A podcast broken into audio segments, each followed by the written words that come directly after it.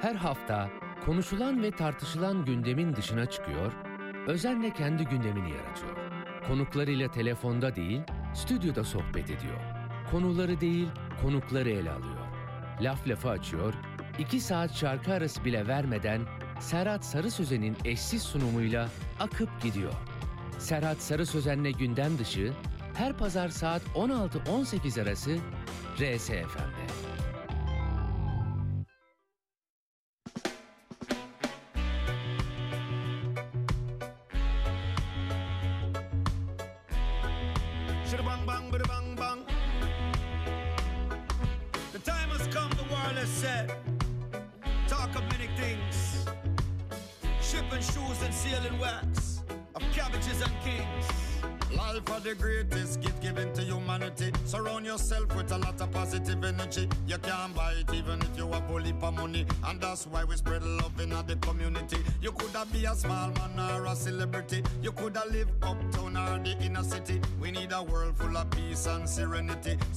Sing out for everybody.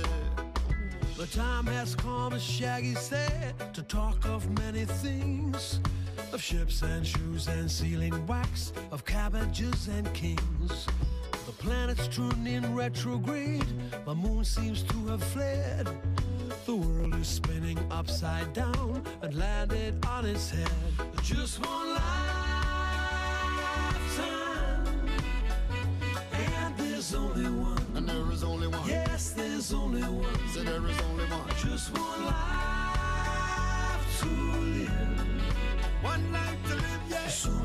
we'll make it with no choice but to take it.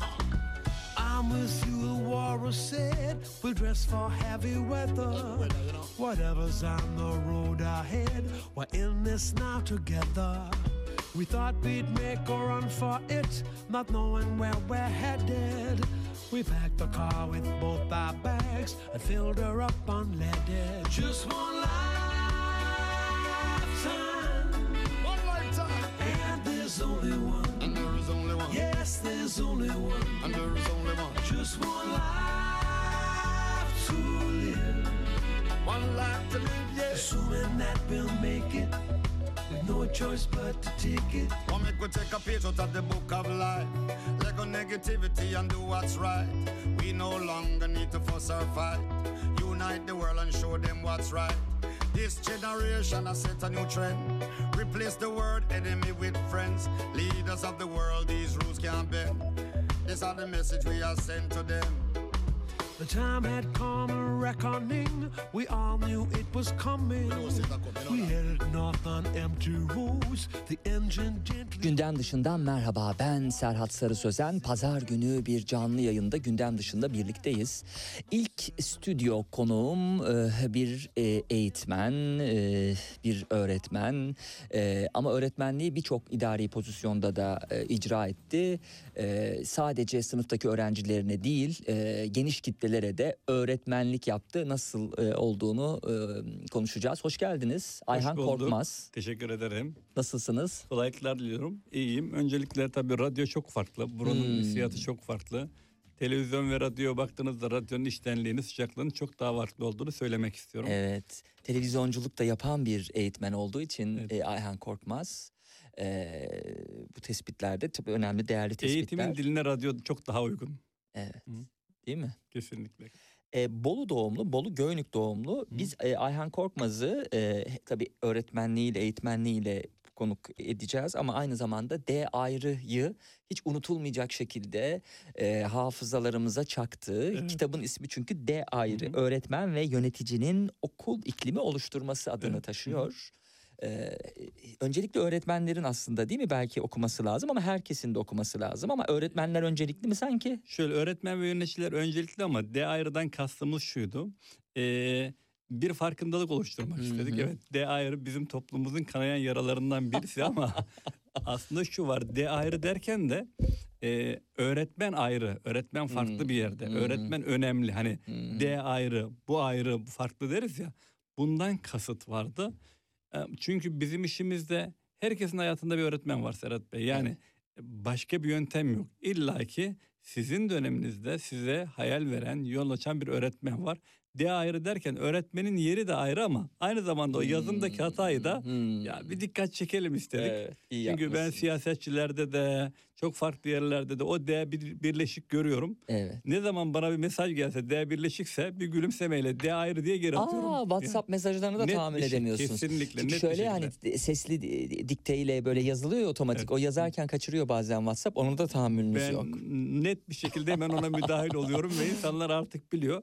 Hakikaten bilinç E oluşuyor. peki çok güzel. D ayrıyı öğrettik. E peki ki'nin ayrı olduğu edat olarak kullanıldığını nasıl yapacağız? Bu bir etkileşim aslında. Hmm, yani D ayrı kapsıyor. derken zihinde bu defa hata yapmayayım. Ya Evet. bu anlamı doğru vereyim Ha. oluşuyor. Emin olun D ki'yi de diğerlerinde etkiliyor. Yani Evet. sadece D'de değil D, dağda da ki'yi de hepsinde Doğru. etkiliyor ve Derin- çok keyifli. Beraberinde geliyor çünkü o farkındalıkla bir birlikte. duyarlılık, farkındalık aslında evet. Evet, evet.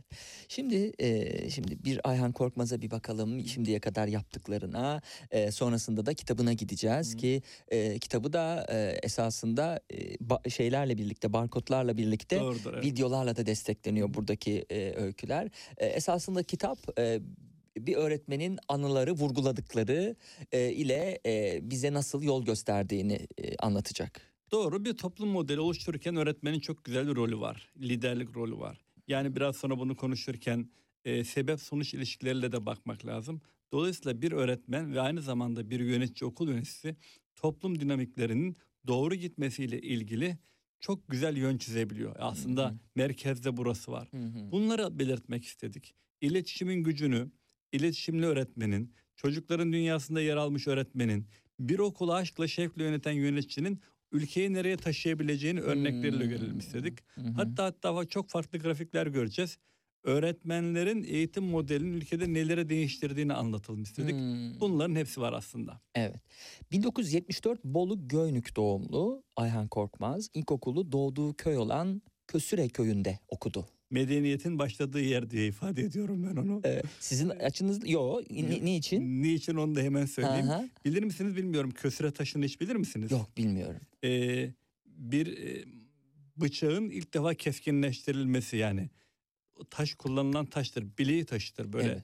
Bıçağı keskinleştirmek için kullanırsınız. Hatta e, işte araçların yapılması, her şeyin yapılması bir aletin keskinleştirilmesiyle başlamıştır. Hı hı. İşte o taş da bizim köyden çıktığı için Hmm. kösüre taşı odur. Hmm. Onun için diyorum ki medeniyetin başladığı yer benim doğduğum yer. Peki o zaman şeye gidelim kitaba böyle aralarda ilk öykü dayıyla ilgili Hı, değil hı. mi? Ee, bir o öyküye bakalım hatırladığım kadarıyla hemen bulayım. Ağustos bu arada tekrar döneceğiz Ayhan Korkmaz'ın yaptıklarına. Ee, uzunca bir sürede bürokrat olarak da çalıştı yakın tarihe kadar bunları konuşacağız.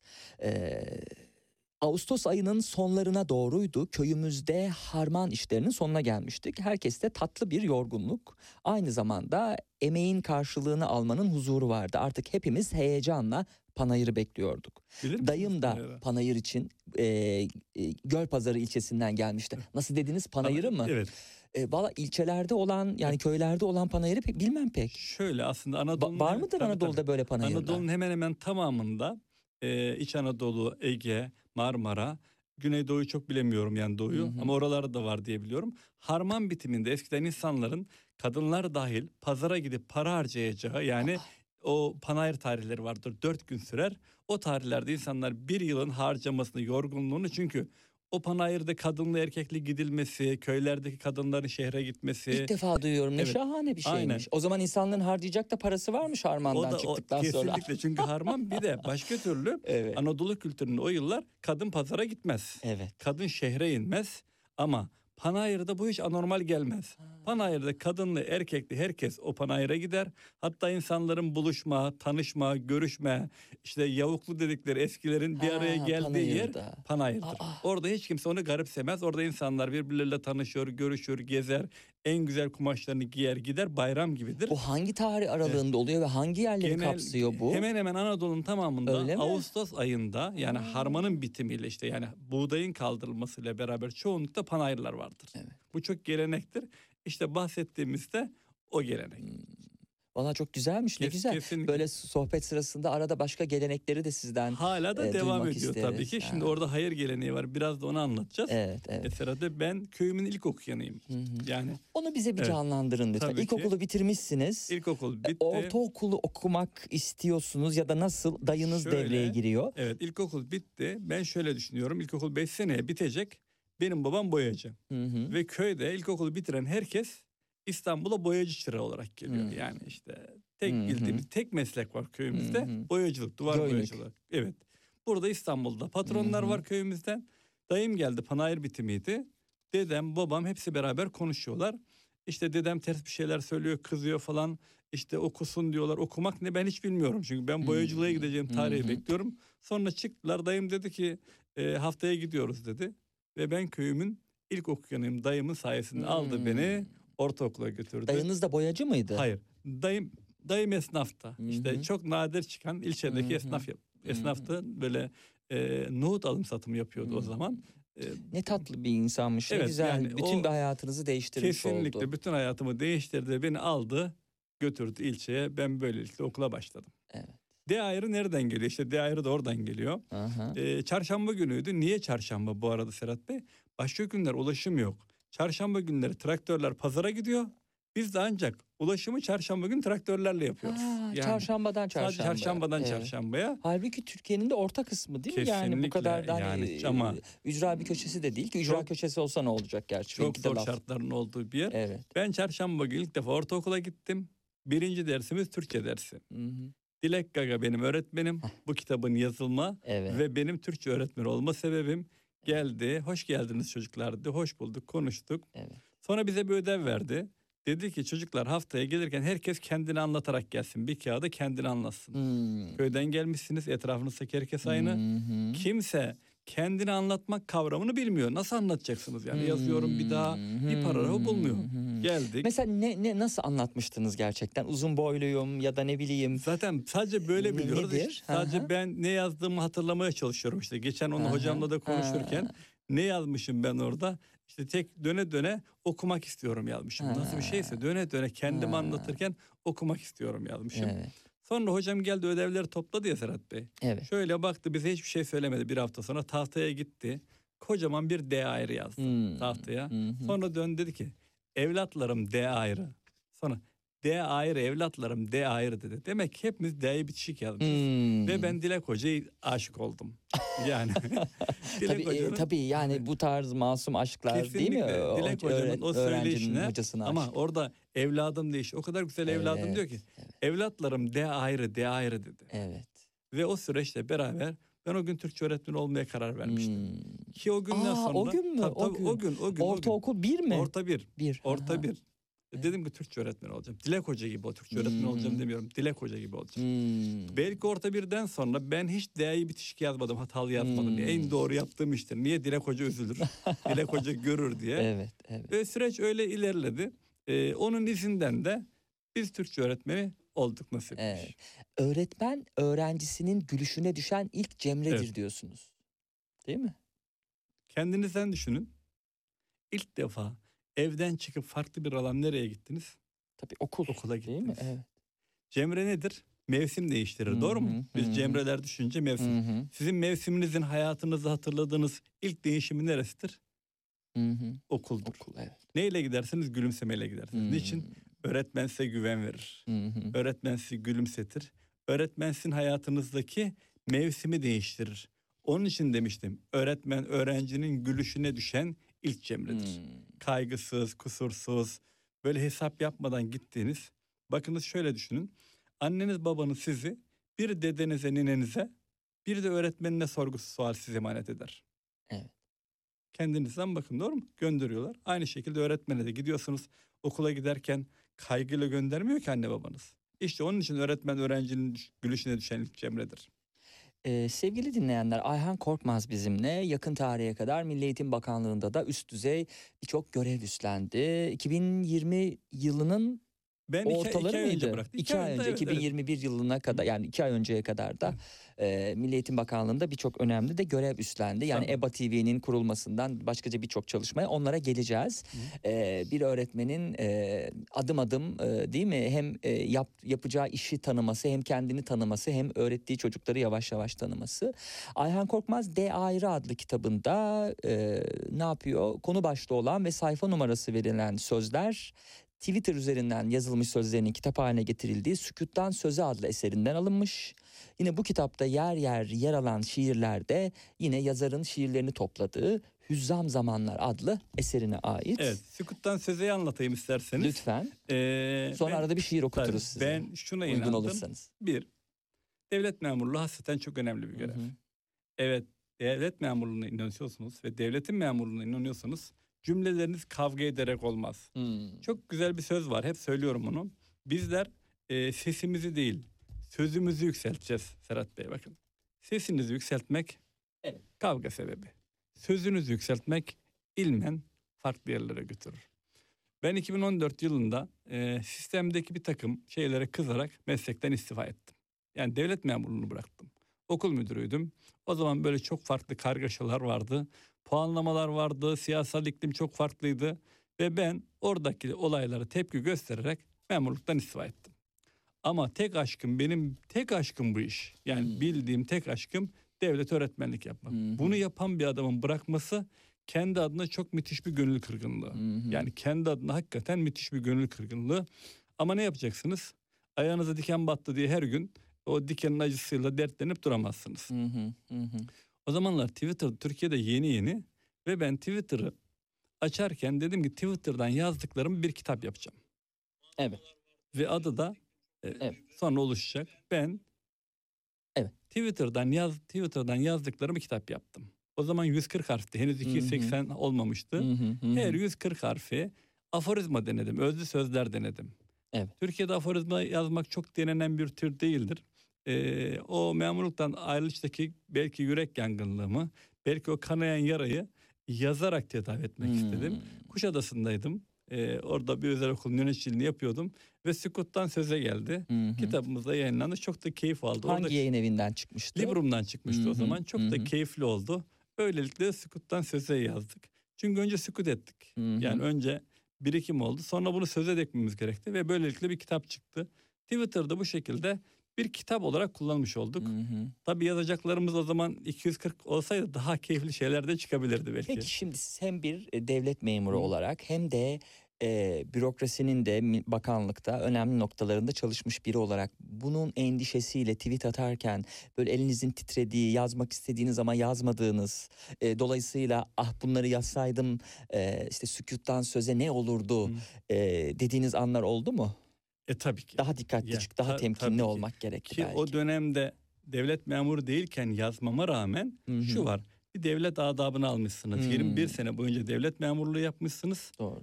Aldığınız bir üslup ve orada bir devlet terbiyesi dediğiniz bir cümle var. Hı hı. Çünkü ben istifa ettikten sonra bile şunu söyledim. Hı hı. Devlet memurluğundan istifa ettim, devletin memuruyum diye. Hmm. Geçen e, şuradaydım ben. Hatta şura sonrasında Sayın Bakanımız bir şey söylemişti işte cümlelerle ilgili dedim ki, Sayın Bakanım ben 26 yıldır yazıyorum ama hiç devlet terbiyesinin dışında yazmadım. Hmm. Yani devlet terbiyesi illa bir memurluk gerektirmiyor Serhat Bey. evet. Cümlelerinizin, kurduğunuz cümlelerin her zaman bir usul içinde ama eleştiri olacak. Siyasiler de biraz fazla alıngan sanki Evet, ama çok son alıngan. dönemlerde. Kesinlikle. Yani her ne derseniz deyin alınabilirler. yani bu, bu süreç kesinlikle böyle Evet. ama eleştiriden korkmamamız lazım. Artık Bak, bunaltacak derecede alınganlar. Kesinlikle ama şunu öğreneceğiz. Her doğru her yerde söylenmez demek bu milletin Hmm. karakterine aykırıdır. Hmm. Her doğru her yerde Her söylenir. yer. Aa ne güzel Ama nasıl söylediniz. söylenir? Uslubuyla söylenir. Adabıyla söylenir. Evet. Yani doğru tektir ve kaçamazsınız. Eğer eğitimli kişiler doğruları söylemekten vazgeçerse bu ülkenin el frenini çekmesidir. Serhat Bey bakın çok önemli bir şey söylüyorum. Hmm. Yani üniversitedeki rektör, dekan, belirli yerlerdeki bürokrat, Hmm. belirli yerlerdeki eğitimci eğer bizler söylemez isek, bizler o feneri yakmaz isek hep be, yani şundan kurtulmamız emredersiniz efendim. Hmm. Böyle bir dünyada Hmm. ileriye gidemezsiniz. Hmm. Bakın sizin bugün işte belirli bir seviyeye koyduğunuz ülkelerde eleştiri kültürü, düşüncenin anlatılması ve Kim yönetir bunu? Üniversitelerin başındaki insanlar, fakültelerdeki hocalar, fikir adamları yürütür. Ama fikir adamları emredersiniz efendime döndüğü an Hmm. ülke el frenini çeker. Hmm. Böyle bir hakkımız yok. Hı hı, Doğru şekilde biz yürümeyeni, yanlış olanı söylemek zorundayız. Vallahi alınabilirler.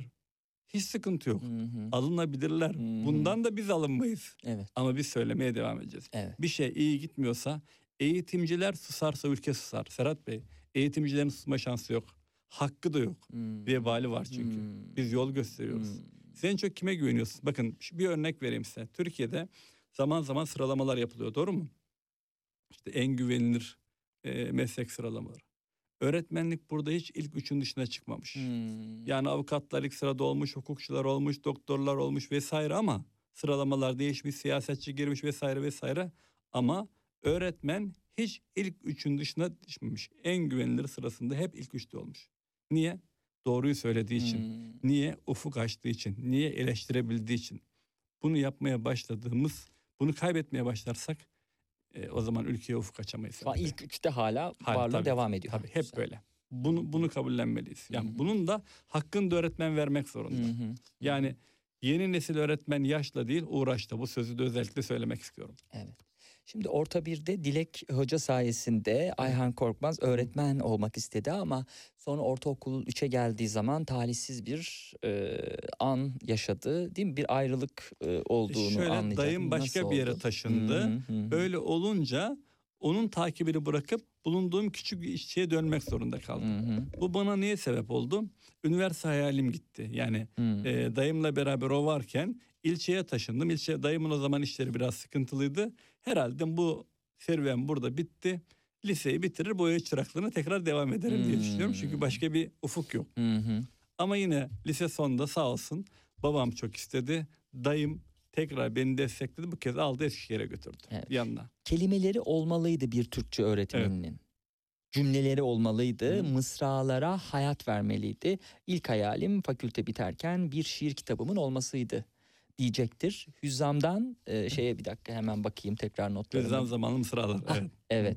Sonra o, o gelecek. Şöyle oldu. İlerleyen yıllarda onun e, e, fikri temelleri atılmış olacak en azından. Bunun temelinde ne var biliyor musunuz?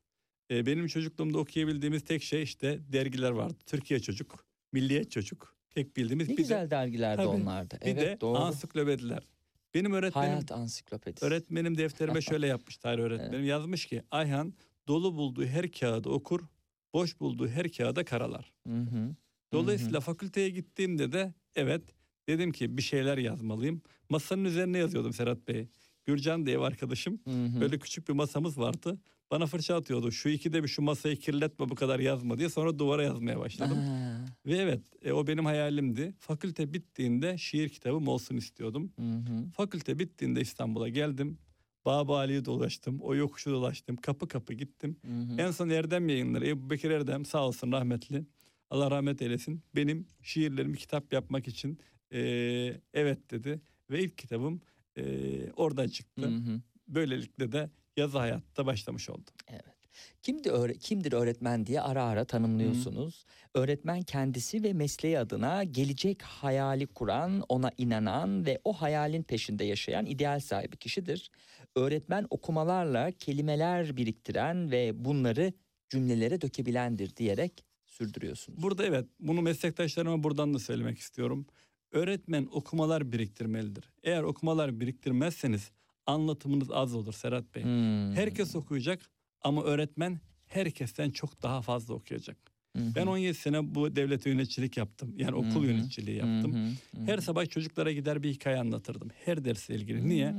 Akşamında okurdum. Hikayeler bulurdum. Ertesi sabah matematik dersine denk gelirsem ne anlatmalıyım? Hı hı. Türkçe dersine denk gelirsem ne anlatmalıyım? Fen dersine denk gelirsem ne anlatmalıyım?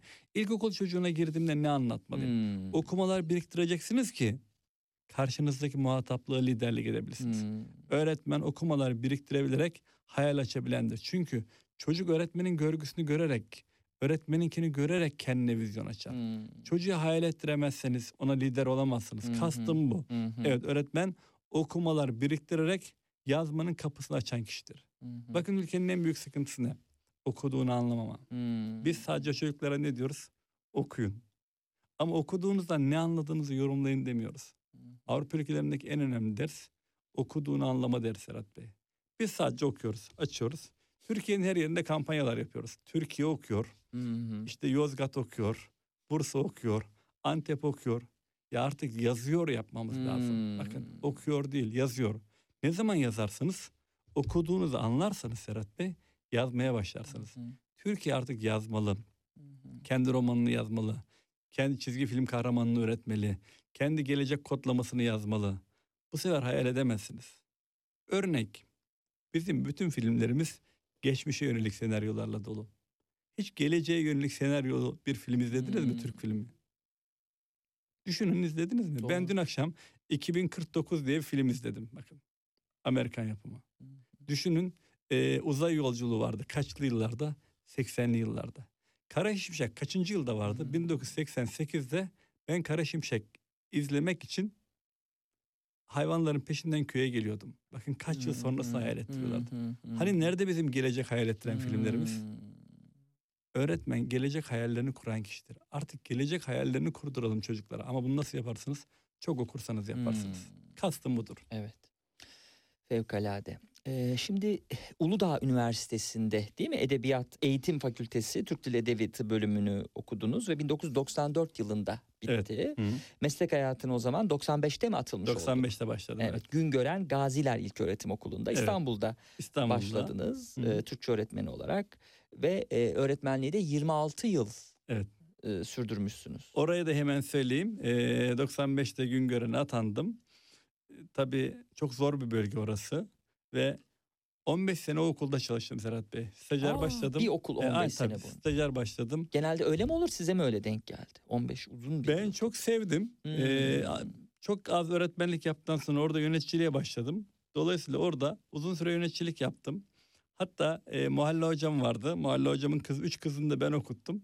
Sonra Beşiktaş Okul Müdürlüğü için giderken öğrencilerle vedalaşmak için konuşma yaptığımda mahalle hocanın en küçük kızı koşa koşa eve gitmiş. Kapıyı açmış. Anne anne demiş. Ayhan amca okulu başkasına satmış demiş. ya o kadar bizimle hemhal olmuşlar ki ve bunu Evet. hep anlatıyorum. Aslında bir öğretmenim şunu söylemişti. Buradan meslektaşlarıma da söyleyeyim. Hocam demişti. Burası sizin babanızın malı değil demişti bir toplantıda böyle Hmm. öğretmenimize ikaz edince konuşurken dedim ki hayır. Burası benim babamın malı gibi bakmak ve ona göre onore etmek zorundayım. Hmm. Sahiplenmek lazım. Yani okullarımız yöneticinin vizyonu kadar ilerliyor Serhat Bey. Hı hı. Ben hep bunu söyledim. Güngören'de Gazi Elk Öğretim diye insanların çok zor dediği bir okulda her bölgeden öğrenci olan bir okul yapmıştık. Hı hı. Bu çok değerli. Hı. Yani yöneticinin asli görevi bulunduğu yeri yükseltmek olmalı. Hmm. Ona çok uğraşmalıyız. Evet. Peki tekrar meslek hayatının Hı. başına dönelim Hı o hı, zaman. tabii Okulu ki. bitirdiğiniz zaman gün görendesiniz yine. En güzel ihtimali nasibe havale edebilen en güzel kısmeti hep heybesinde Evet, bulur. hı.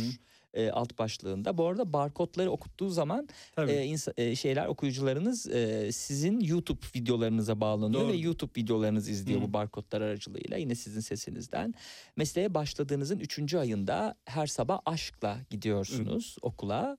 E, İstanbul e, Türkçesiyle İstanbul beyefendisi biri karşınıza çıkıyor ve sizi yemeğe davet ediyor. Evet, Nasıl? bir doğrudur, öğre- doğru. öğrencinizin babasıydı yanlış hatırlamıyorsam. O da çok ilginç bir hikaye. Hı hı. Tabii ben hep şunu söylüyorum. Bir, öğretmen türkü söylemeli. 26. yılım hala türkü söylüyorum. Hmm. Hangi konumda olursanız olun. Çok farklı geldim ben. Bakanlığa da farklı gelmiştim. İl Milli Eğitim'e Hmm. başladım. Merdivenlerde türkü söylüyorum. Hmm. Niye türkü söylüyorum? İki sebebi var Serhat Bey. Bir, ben bu işi çok seviyorum. Türküyü ne zaman söylersiniz? Mutlu olduğunuzda Hmm. söylersiniz. İki, ben buradayım demek için. Bir de öğretmen tanımlarının en önemlilerinden birisi. Öğretmen öğrencisinin sofrasına sıcacık taşıdığı kişidir. Bakın. Hmm. Akşam size anlatmıyorsa, sizden bahsetmiyorsa sofrada bir yerde eksiklik vardır. Hmm. İşte o kastım o. Hı. Mesleğe başladım. İşte üçüncü ayın akşamı baktım kapıda uzun boylu böyle bir beyefendi duruyor. Evet. Hocam nasılsınız dedi. İyiyim dedim.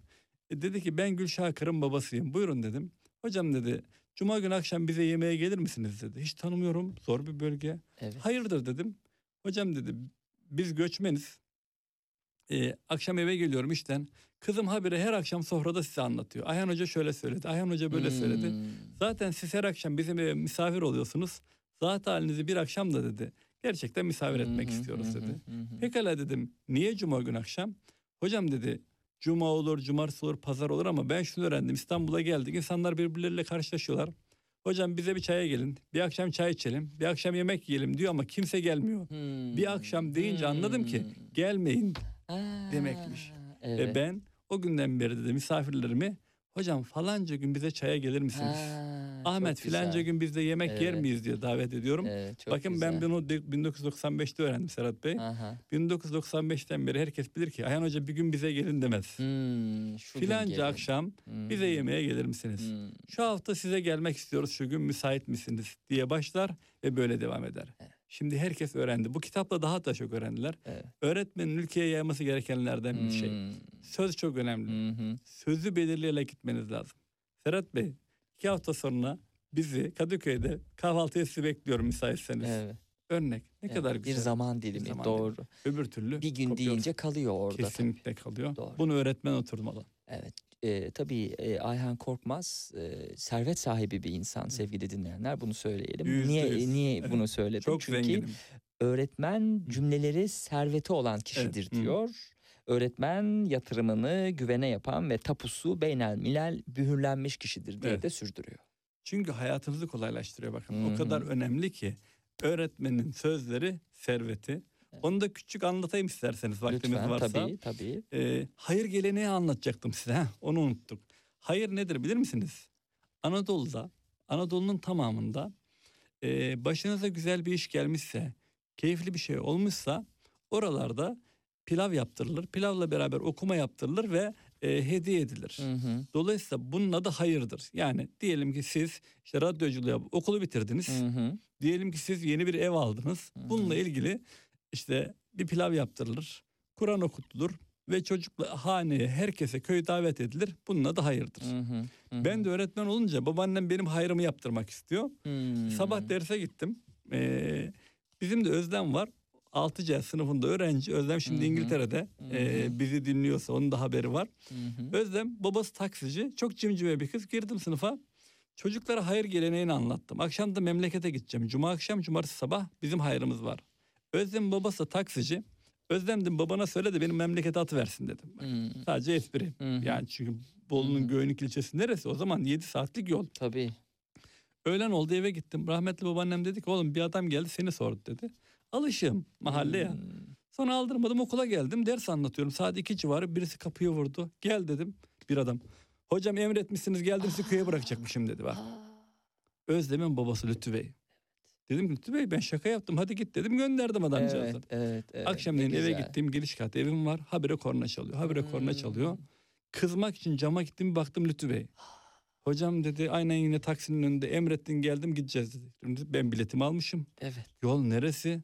Ne dediysek anlatamadık. Bir sözüme beni gecenin yarısında aldı Bolu'nun dağ köyüne götürdü Lütfü Bey.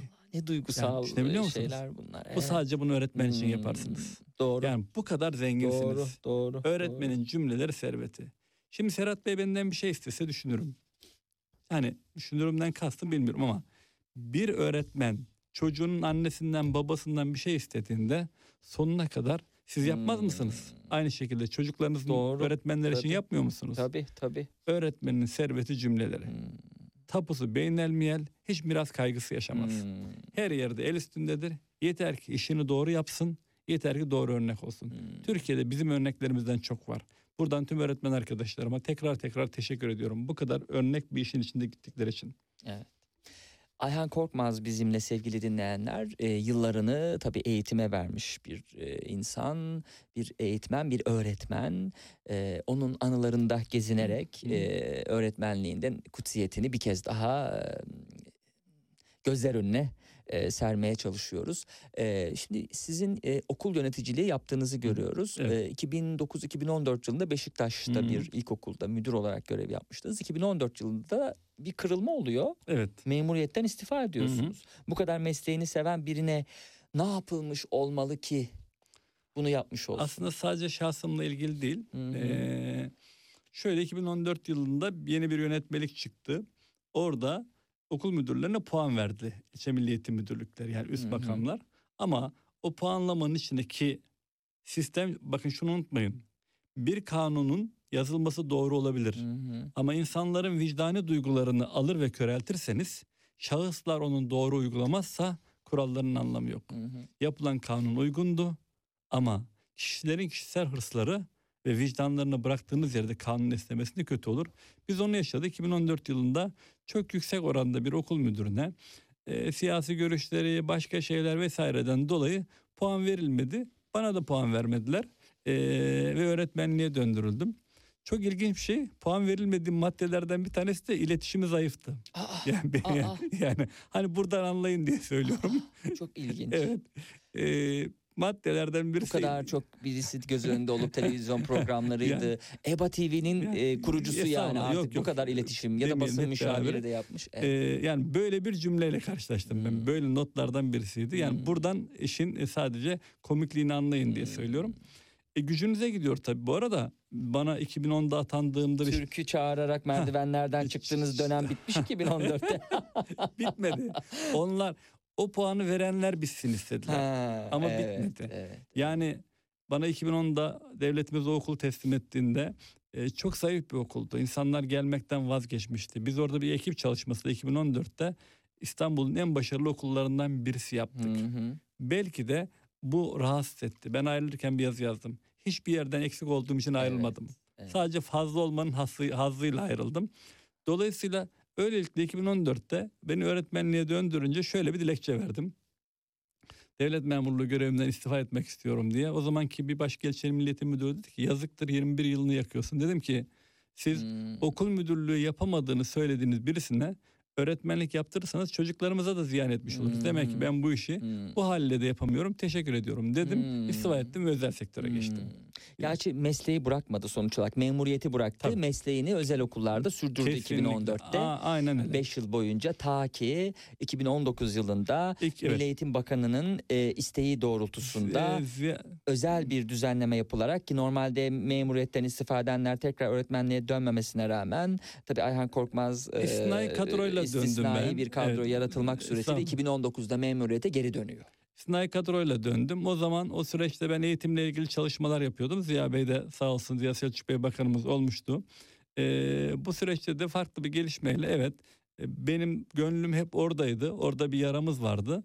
Ee, Sayın Bakanımız da bu süreçte çalışmak isteyince ben de 2018 yılında e, Milli Eğitim Bakanlığı, 2019 yılında Milli Eğitim Bakanlığı'nda tekrar atanarak geri döndüm. Evet, öğretmen yetiştirme şube müdürü olarak çalışmışsınız. İstanbul'da evet Bu defa. İsta- İstanbul'a geldim. Ne Ee, yaptınız mesela unutmayın lütfen. Şimdi kimdir öğretmen diyorsunuz ya. Hı hı. Bu e, öğretmen yetiştirme programı kapsamında öğretmen sevdiğine verdiğini saymayandır. Öğretmen öğrencisine hiçbir beklenti olmadan sürekli verendir gibi. Evet. e, hani e, önemli noktalarda mı dikkat çektiniz? Nasıl oldu tam Burada da olarak bu kastım eğitimler? Şu, mesela anne baba bile çocuklarına verdiğini sayar.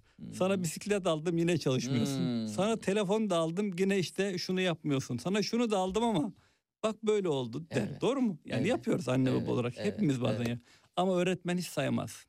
Öğretmen sadece verir. Hmm. Öğretmenin tek de çıkarı nedir? Çocuğuyla olan gururudur. Dolayısıyla işte bunu anlatmak için öğretmen eğitimlerini yaptık evet İstanbul'da. Ee, aday öğretmenlerin çalışmalarını yaptık. Benim için çok büyük bir keyifti.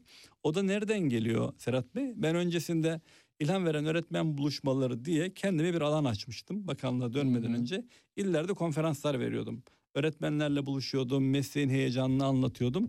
Ve bakanlığa döndüğümüzde de e, daire başkanlığına başladığım süreye kadar İstanbul İl Milli Eğitim Müdürlüğü'nde çalıştım. Aday öğretmenlerin eğitimlerinde görev aldık. Onlara mesleğin hazını ve heyecanını anlatmaya çalıştık. Bunda da başarılı olduğumuzu düşünüyorum. Bugün hala oralardan çok güzel mesajlar alıyorum. Hmm. Ee, doğru modellerle karşılaşmış adına öğretmen eğitimlerini planladık ve çok da keyifle gitti.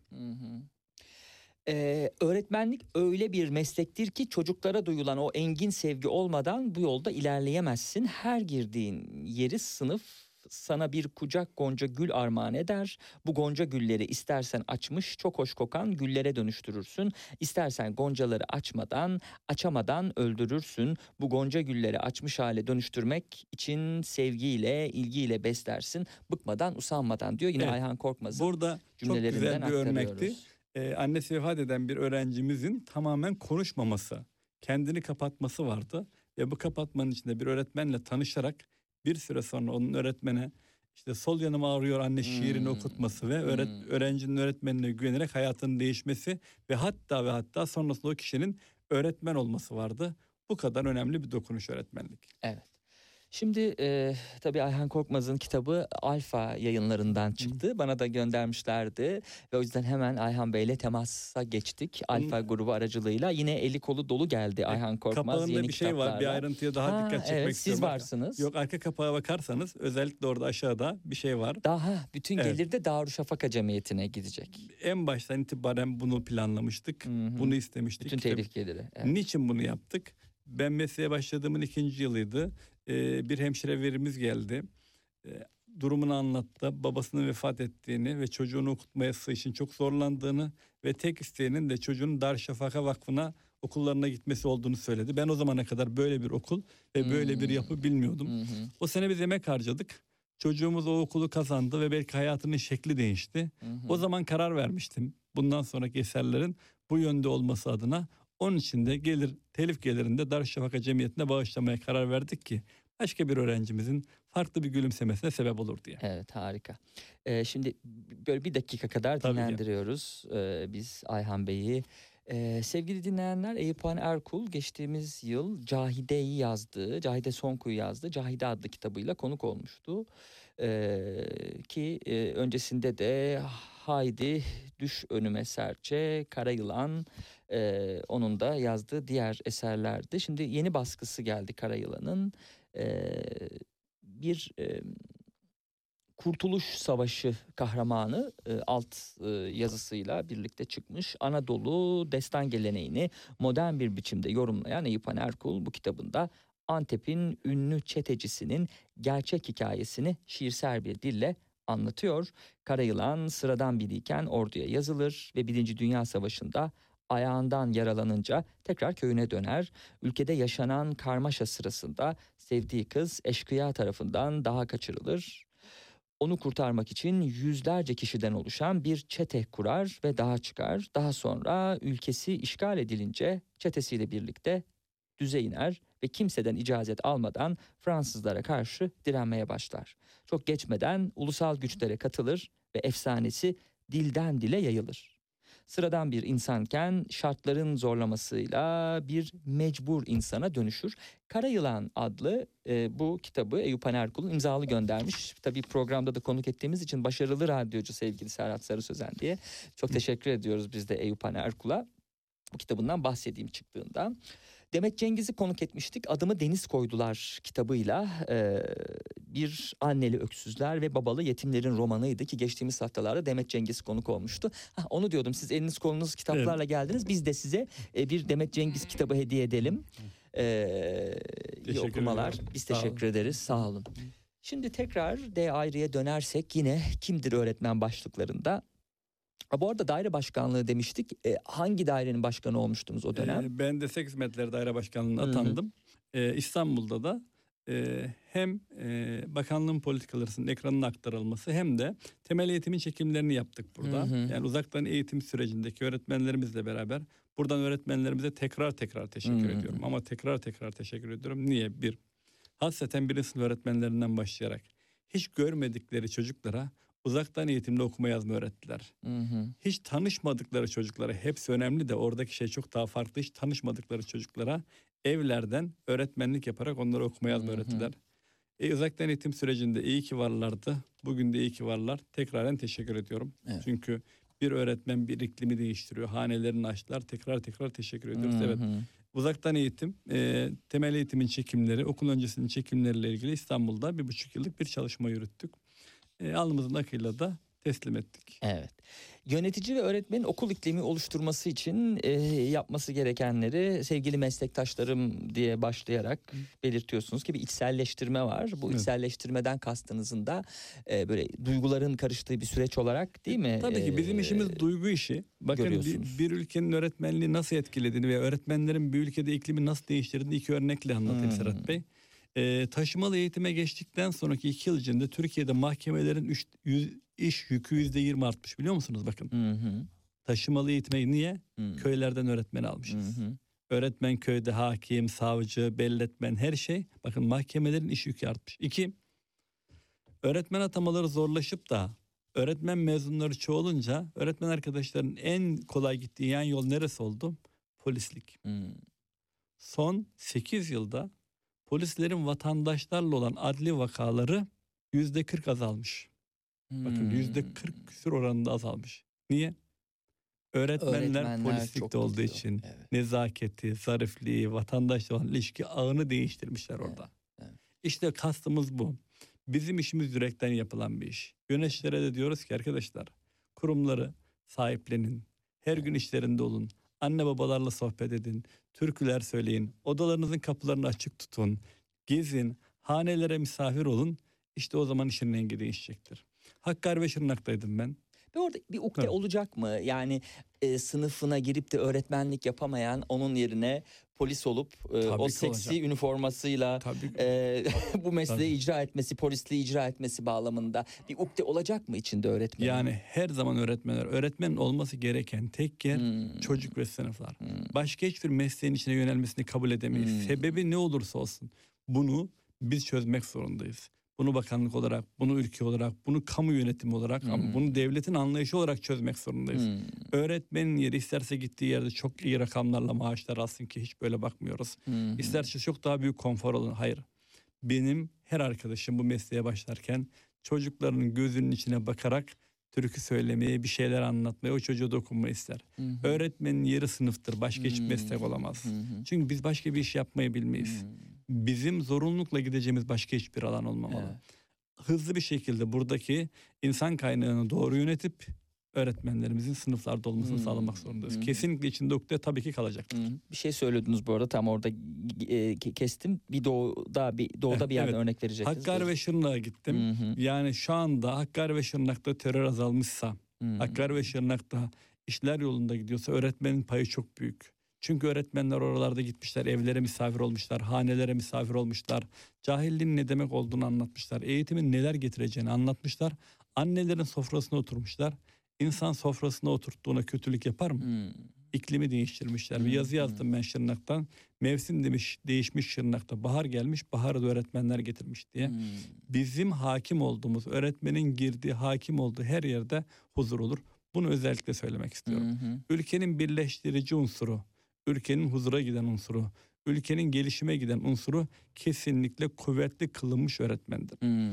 Bugünlerde çok üzüldüğüm bir şeyi de söylemek istiyorum ki Lütfen. Twitter'da ve sosyal medyada öğretmen asla ve asla maaşıyla gündeme gelmemelidir. Hı. Bakın güçlü devletler öğretmenin aldığı maaşı, bordrosunu, çalışma şartlarını konuşturmayan devletlerdir.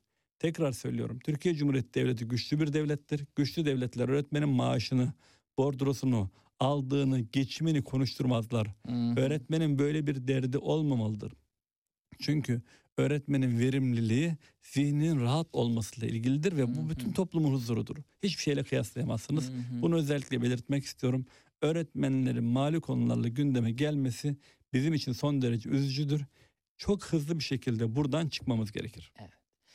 Ee, son olarak da öğretmeni değerli kılmadan eğitimi nitelikli, nitelikli kılamazsınızla özetlemiş oluyoruz zaten Kesinlikle. söylediğinizi.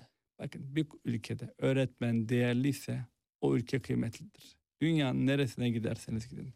Nerede öğretmen çok yukarıda o toplum çok ileridedir. Hı hı. Nerede öğretmen çok yukarıda o toplum çok ileridedir. Bu grafiğin başka türlü olma şansı yok. Bugün de yapılması gereken budur.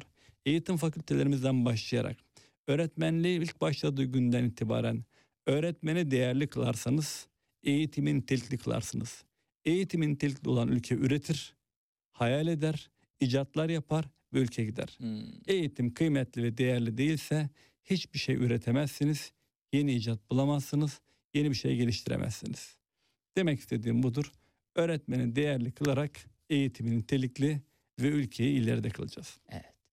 Sevgili dinleyenler programın ilk kısmında Ayhan Korkmaz stüdyo konuğumdu. Kendisini öğretmen olarak tanım. Ya işi de o zaten ama Ben e, özgeçmiş Her kısmında aynen. her daim öğretmen olarak tanımlıyor kendisini.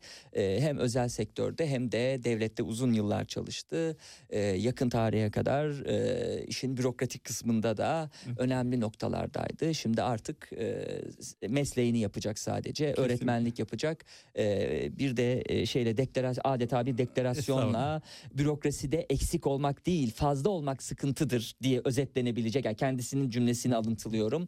Bir iki sayfalık deklarasyonla istifasını attı. Yok Ve- istifa etmedim. Yani görev alanım benim öğretmenliğe verildim doğru anlatayım. Evet. Dolayısıyla öğretmenlik yapmaya da karar verdim. Karar verdiniz. Ama bununla peki. beraber buradan da bir şey söyleyeyim. İnşallah illerde tekrar öğretmen buluşmalarına başlayacağız. Meslektaşlarımızla ilham veren öğretmen buluşmaları ve D ayrının duyarlılığıyla konferanslarımıza başlayacağız. Evet.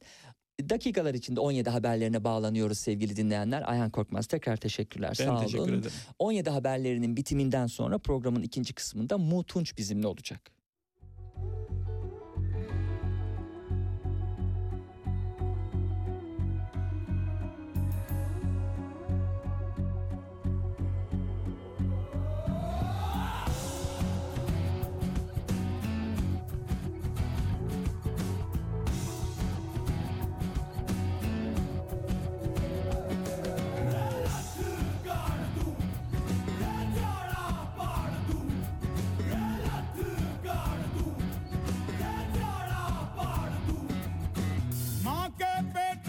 मरघट तक है तेरी कहानी। पग पग प्यारे दंगल दंगल।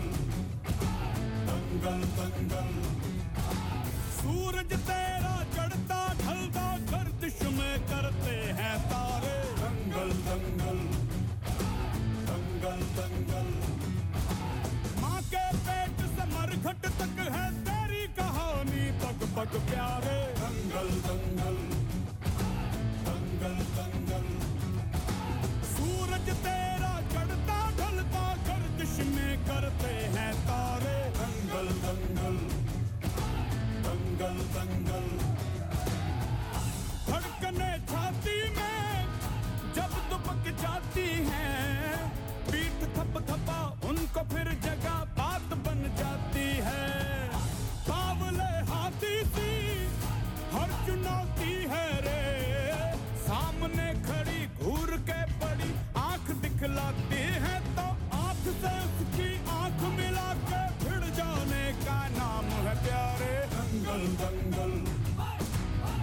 दंगल दंगल सूरज तेरा चढ़ता, ढलता गर्दिश में करते हैं तारे। दंगल दंगल दंगल दंगल ठोस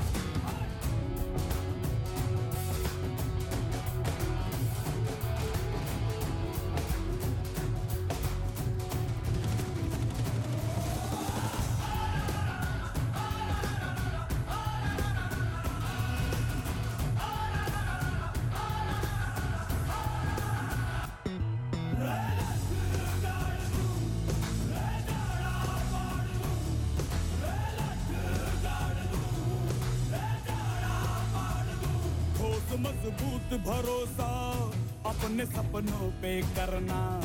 जितने मुँह उतनी बातें गौर कितनों पे करना। आज लोगों की बारी, जो कहें कह लेने दे। तेरा भी दिन आएगा, उस दिन हिसाब चुका के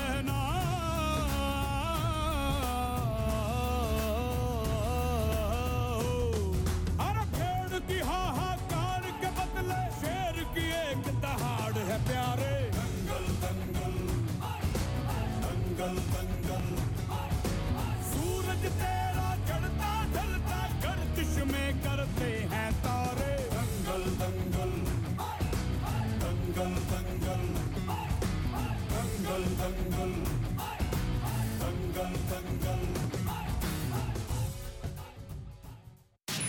Gündem dışı. Mutluluk danışmanısınız bir de aynı zamanda. Çok güzel işler yapıyorsunuz Türkiye'de. Ne kadar güzel mutluluk danışmanlığı için size geliniyor. Mesela kimler geliyor daha ziyade size? Mutsuz çiftler mi geliyor yoksa e, yalnız kişiler mi geliyor? Belki 14 Şubat'a doğru e, ne olacak benim bu mutsuzluğumun hali falan diyenler mi geliyor? Kimdir e, genelde gelen hedef kitle? Ben kurumlara mutluluk danışmanlığı yapıyorum. Kurumlarda... E kurumlar da önce az ücret verip insanlara mutsuz edip sonra da size mi danışıyorlar nasıl mutlu edeceğiz bunları diye. Gündem dışı.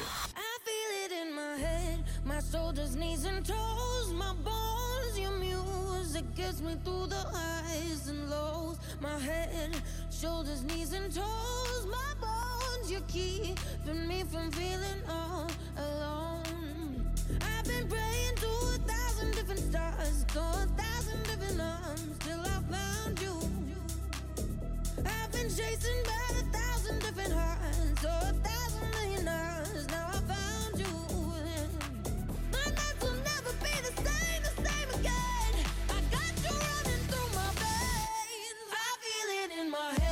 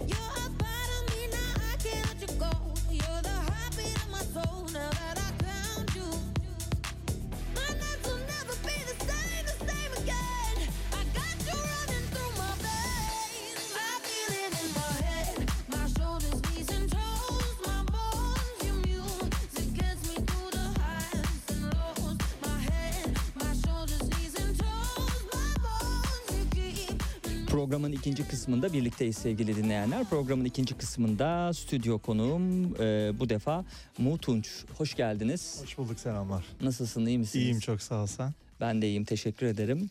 Ee, sevgili dinleyenler Mutunç'un yaptıklarına şöyle bir bakacağız. Kitaptan Genç Rönesans'ı konuşacağız. Ee, 1986 İstanbul doğumlu Türk sanat musikisi solisti bir baba, öğretmen bir anne ve Türkiye'nin ilk punk müzik grubunun kurucu üyelerinden bir ağabeyin olduğu e, bir e, ailede doğdu. Yani sanatçı bir ailede dünyaya geldi. Çocukluk nasıl Kültür şok. geçti? Yani enteresan aslında burada, burada yakın bir yerde çocukluğumda geçti. Ben Hmm. işte Florya'da e, okudum. Hı Yani ortaokul ve lisem falan hep orada geçti yani. Hı. E, Merter'de büyüdüm, Bakırköy'de büyüdüm. Hep buralar aslında benim bölgemdi Hı şu an radyonun Şimdi olduğu yer. neredesiniz? E, ya şimdi de İstanbul'dayım ama sonra dünyanın birçok yerine gittim, dolaştım. Londra'da yaşadım, Paris'te Aynen. yaşadım. Oralara geleceğiz. Evet. Aynen aynen Yani tabii ki geleceğiz. Her yere gittim ama e, demek istediğim şey böyle bir enteresan yani e, bir anda böyle söyleyince tam Evet. kültür şoku. E, yönetmenlik de yaptı, yapıyor hala Tabii ki, Mutunç. tabii. Asıl- evet. asıl Kamerayla tanışması küçük yaşlarda e, ilk olarak abinin, abinizin değil mi? E, yeraltı punk konserlerini çekmenizle başlamış. Evet yani e, Türkiye'nin e, bu dünyanın birçok yerine de geçerli. E, bu alt kültür müzikleri aslında orta sınıf ailelerin olduğu yerlerde hep başlıyor. Hı hı. E, Bakırköy ve Merter'de biliyorsun yani şu anki konjektürüyle geçmişteki yani ne bileyim 80 ve 90'lı yıllardaki durumu daha farklıydı. Ve ben Merter'de büyüdüğüm için de bizim e, bayağı evimizin altındaki e, apartmanın alt, yani altında garajda ilk Türkiye'nin punk konseri verildi. E, bu bayağı tarihsel olarak da biliniyor bu arada. Ve o yüzden de böyle bir enteresan e, bir şekilde büyüdüm. O zaman tam anlayamıyorsun. Çünkü küçükken bu tarz müzikleri konuşmak da böyle bir yani kimse anlamıyordu benim etrafımda. Hmm. Yani e, Kaç yılları? e, nasıl diyeyim ben 2000'li yıllar e, hatta 2000'e gelmeden önce bunları ben 13-14 yaşımda dinliyordum bu müzikleri biliyordum Hı hı, yani. hı hı. Ya Punk diye bir şey benim hatta mesela e, ID Vice'ı biliyorsunuz dünyanın en büyük yayın organlarından biri. E, İngiltere'de yayınlandı. İşte annemle birlikte e, abim var. Abimin üstünde e, bayağı böyle speed trash metal e, Hmm. Alman bir grubun şeyi Hmm. var ve biz evin oturma odasındayız. Ee, ben küçücüğüm 3 yaşındayım Devil Horn yapıyorum işte bu e, hı. elini böyle kaldırmak hareket hı. vardır. Hı hı. 3 yaşında Hı yani ortada annem var ve evin oturma odası yani o hani anlatabiliyor Evet, muyum? evet. Yani bu bunu yaşadım yani, yani ve çünkü o müziklerle büyüdüm. Ya, abim bana çalıyordu ama anlamıyordum. Büyüyünce anlamışım. Ee, ve çünkü hep evde bu müzikler dönüyordu. Ee, ve abimin punk konserlerini çekerek başladım kamerayla. Yani nedenim buydu. Çünkü kimse çekemiyordu Evet. ve hep bu tarz işler Abi takdir eder bir abi miydi? Yani konser veriyor, küçük kardeş çekiyor. Ne ne gör ne e, dedi o konser Ben, kaydını e, görünce? Biliyorsun benim boyum uzun yani ben Aha. 1.80'im. Evet. işte onun zillerini taşıyordum e, bir yandan. Köle işçiliği bu. Aslında onu mahkemeye vermem lazım. Evet. Aynen. Ya işte onun yanında e, aslında takılarak yani bir biz öyle bir plan yoktu. Dediğin gibi yani bir plansız konserler oluyordu. Ben yanına gidiyordum. "Aa, Bizim konseri çeker misin lütfen? Tabii ki çekerim. E, o zaman da daha yeni DV kasetler çıkmış Sony falan böyle daha yeni çıkarıyor. Küçük şeylerden bahsediyorum e, falan. İşte onları böyle elektriğe... Ha, küçük evet vardı Evet, bir evet, çok, dönemler. tabii tabii e, kamera ka- Aynen ve onu bulamıyorsun DVD kaseti de bulamıyorsun gidip garip yerlerden almaya çalışıyorduk filan işte ha, öyle çekip e, aha. öyle başladı. Evet, evet. Ee, 19 yaşında üniversitede okurken ilk reklam filminizi stop motion olarak çekmişsiniz. Evet.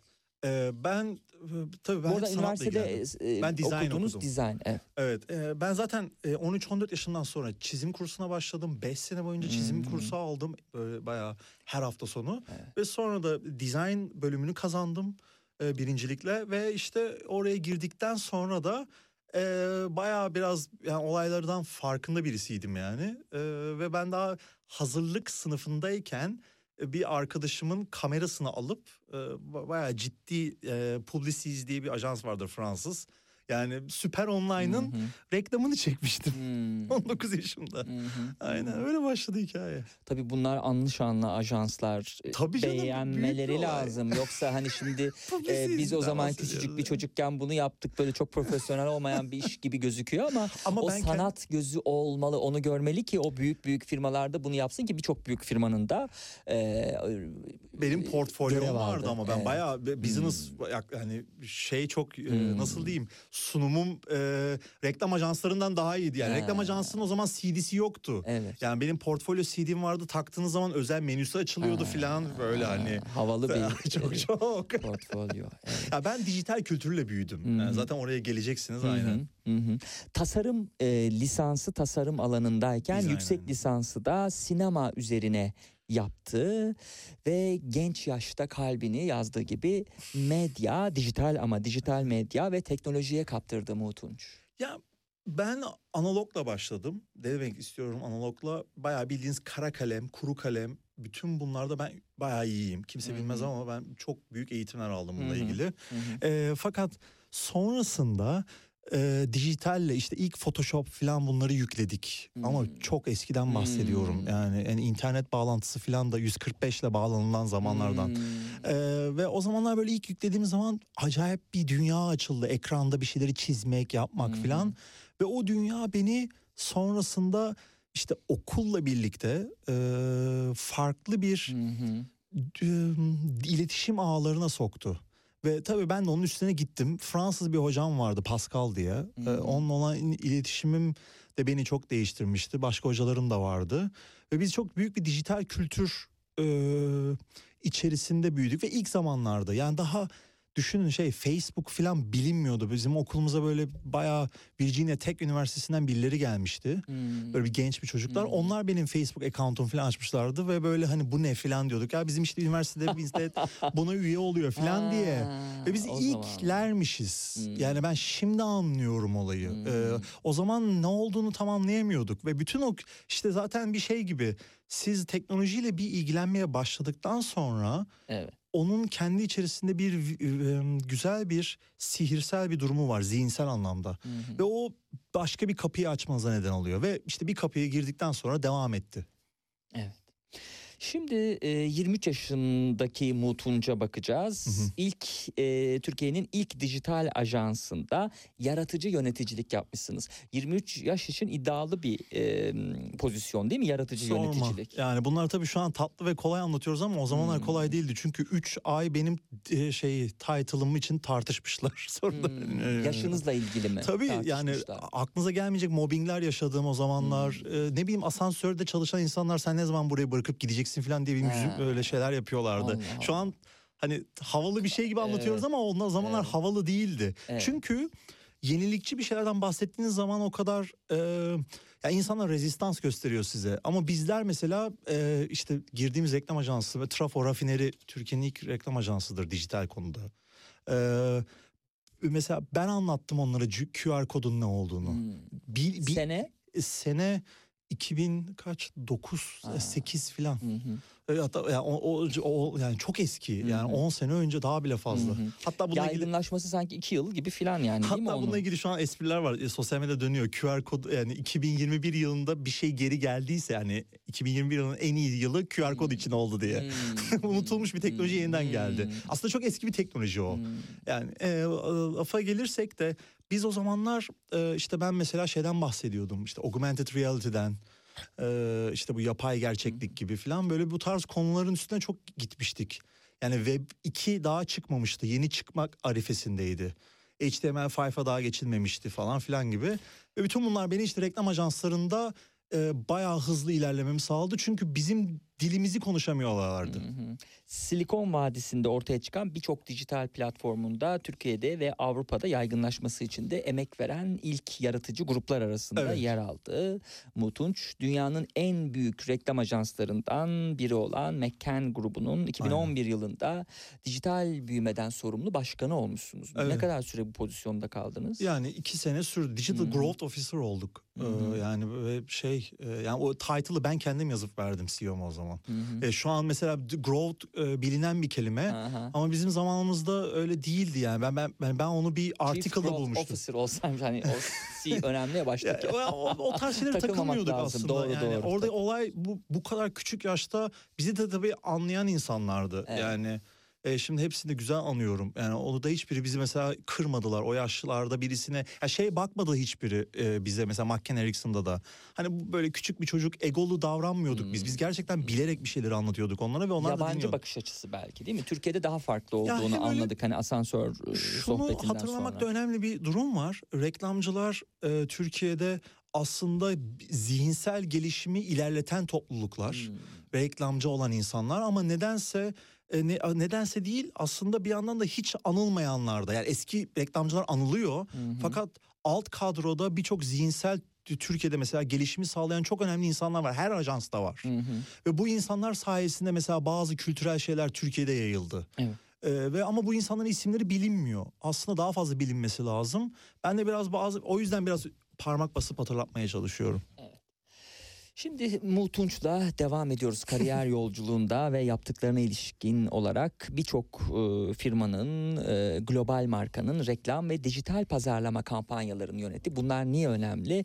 Biraz sonra diyeceğiz ki Instagram fenomenleri, ey YouTuber'lar, ey Twitter e, işte şeyleri filan e, onların dijital haklarına ilişkin olarak esasında elimde tuttuğum genç rönesans Asıl ve şimdi NFT var, Metaverse var. IP rights Aynen. var. Evet. Evet. Ee, dijital sinema platformu Mubi'nin halen kullanmakta olduğu özgün marka dili olan her güne bir film konseptinin oluşması konusunda Evet. ve Mubi Plus e, adıyla Avrupa ülkelerinde dijital iletişimlerinin yayılmasına katkıda bulundu. Sonrasında lüks sokak giyim markalarının 2015 yılında marka direktörlüğünü yaptı Le Benjamin. e, ve birçok e, firmanın da yine aynı şekilde erkek moda sektörüne yön veren isimlerle Milano Moda Haftası'nda büyük ses getiren Autumn Punk şovunu düzenledi. Punk'tan e, ka- kaçış ya da kopuş yok.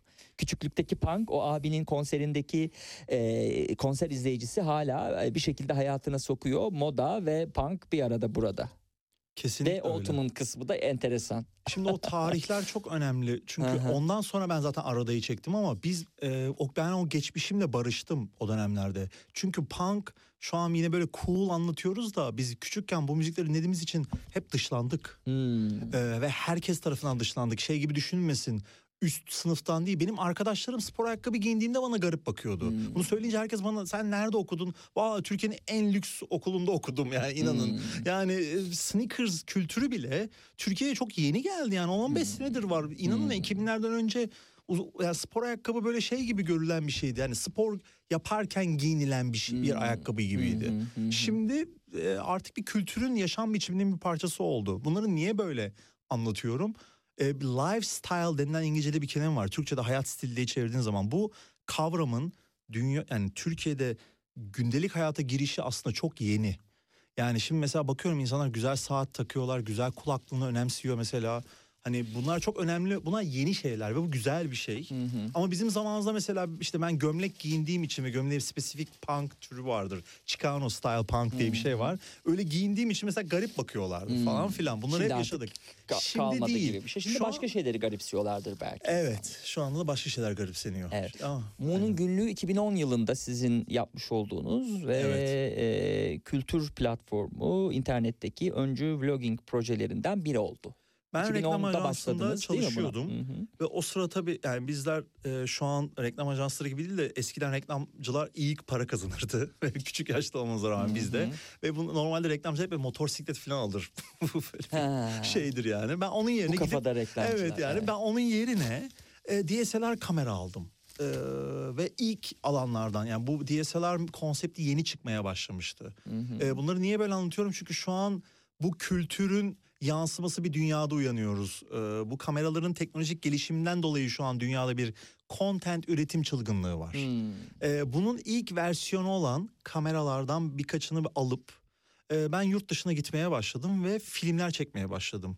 Ve Diary of Mu da işte ilk vlogging projelerinden biri ol- ol- oldu. E, ve onu sonradan tabii anlamlandırdık e, baktığın zaman. Çünkü ben Vimeo'dan yüklüyordum işte milyonlar izliyordu. Ama YouTube mesela bizim zamanımızda şey gözüyle bakıyordu YouTube'a hani. Evet güzel platform. Evet ünlü fakat e, daha şey Google falan satın almamış. E, böyle kedi videoları falan vardı bir de müzik videoları vardı. Hani öyle bakıyorduk biz YouTube'a yani. Ee, sonrasında ne geldi? 2018 yılında pardon önce şeye bahsedelim biraz. Avrupa'nın çeşitli şehirlerinde çekimler yaparak Hollywood yıldızlarından İtalyan yönetmenlere, İngiltere'nin kült şarkıcılarından Paris moda sektörüne kadar birçok e, sanatçıyı filme aldınız. Evet. Dario Argento, işte Age Argento, Melissa George, Mulholland Drive'da oynayan. Hepsiyle arkadaş oldum bu Diary of Mu sayesinde. Hatta Mena Suvari, American Beauty'de biliyorsun başrol oynayan kadın. Ya o bir mesela Diary of Mu'yu tweet falan ediyor, retweet falan ediyordu yani. Hani öyle bir dönem bile geldi. Gördüm bunları gözümde. 2010 yılından bahsediyorum ama 2010-2011 yılında zaten film üretip Vimeo'ya yükleyen insan sayısı 100 kişi falandı yani. Hani 100 o kadar Evet. azdı. Ya böyle Evet. ciddi anlamda üreten şeyden bahsetmiyorum. Şans eseri e, bir şey çekip yüklemekten değil. Yani böyle sistematik yaklaşıp bir tarzla yüklemek. Düşünün daha Navnus yoktu. Şu an Navnus çok önemli bir kültür platformu. E, daha yoktu yani yeni çıkmaya başlamıştı filan. Evet.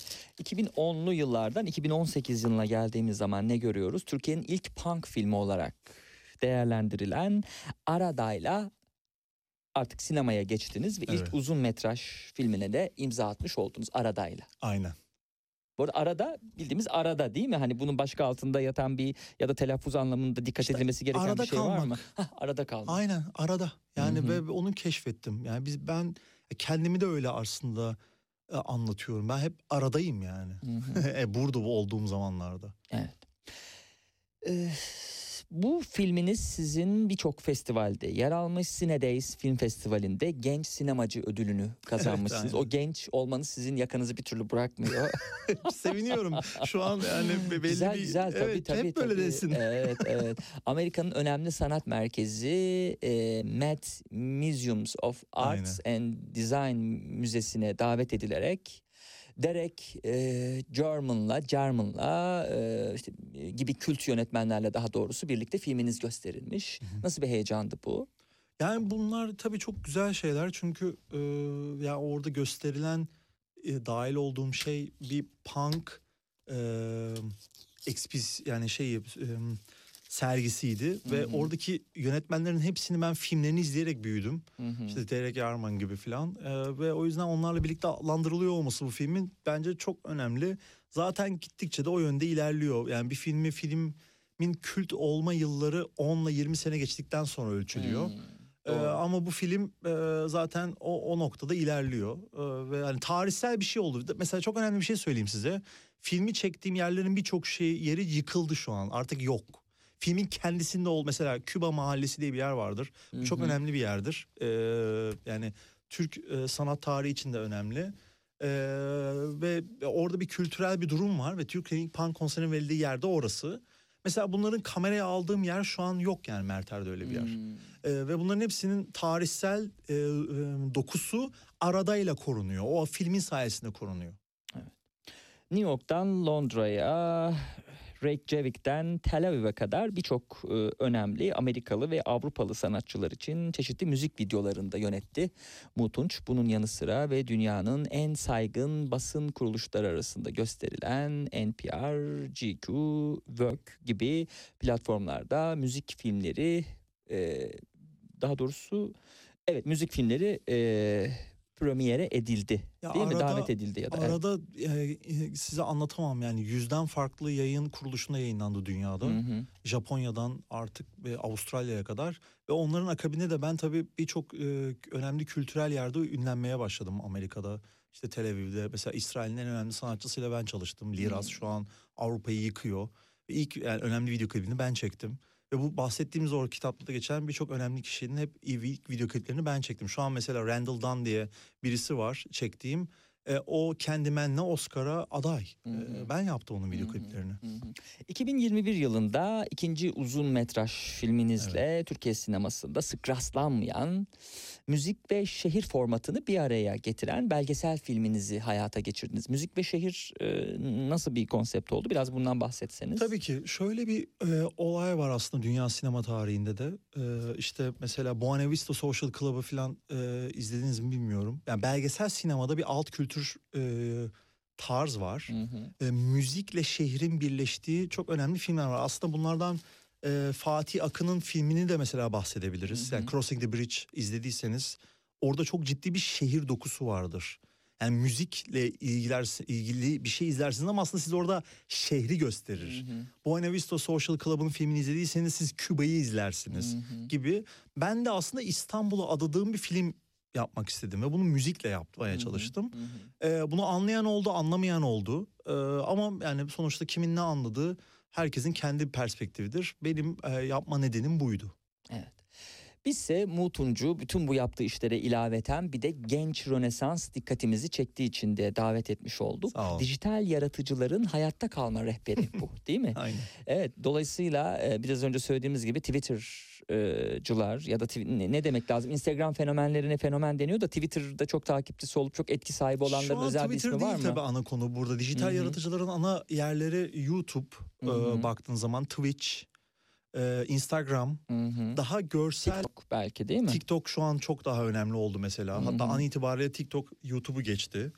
E, bu yani benim lafım değil. E, dünyadaki önemli Hem söylüyorum. gizliliğimize hem güvenliğimize hem de dijital her türlü eserimizin telifine karşı gelişebilecek tehditlere Evet. hazırlı olmak için e, genç Rönesans'ı yaptığını anlıyoruz. İlaveten hani soracağım tabii şüphesiz. Beklenmedik bir şekilde ve hızla oluşan sınırları sürekli değişen dijital kas sisteminde yerinizi almak ve korumak için de yine e, dikkatli olmak lazım ki genç Rönesans buna ilişkin çok önemli ipuçları veriyor. Şu an gençleri böyle spor ayakkabılı giyinen insanlar avlıyor e, sosyal medya artı ortamlarında çok ciddi anlamda. Ve böyle işte seni ünlü yapacağız e, işte influencer olacaksın ya da işte mesela şu anlaşmayı imzana at. E, şöyle muvaffakatnameye bir dakika imzanı vermezsen e, biz seni e, represent edemeyiz filan gibi tahmin edemeyecekleri bir e, Kime geliyorlar daha çok?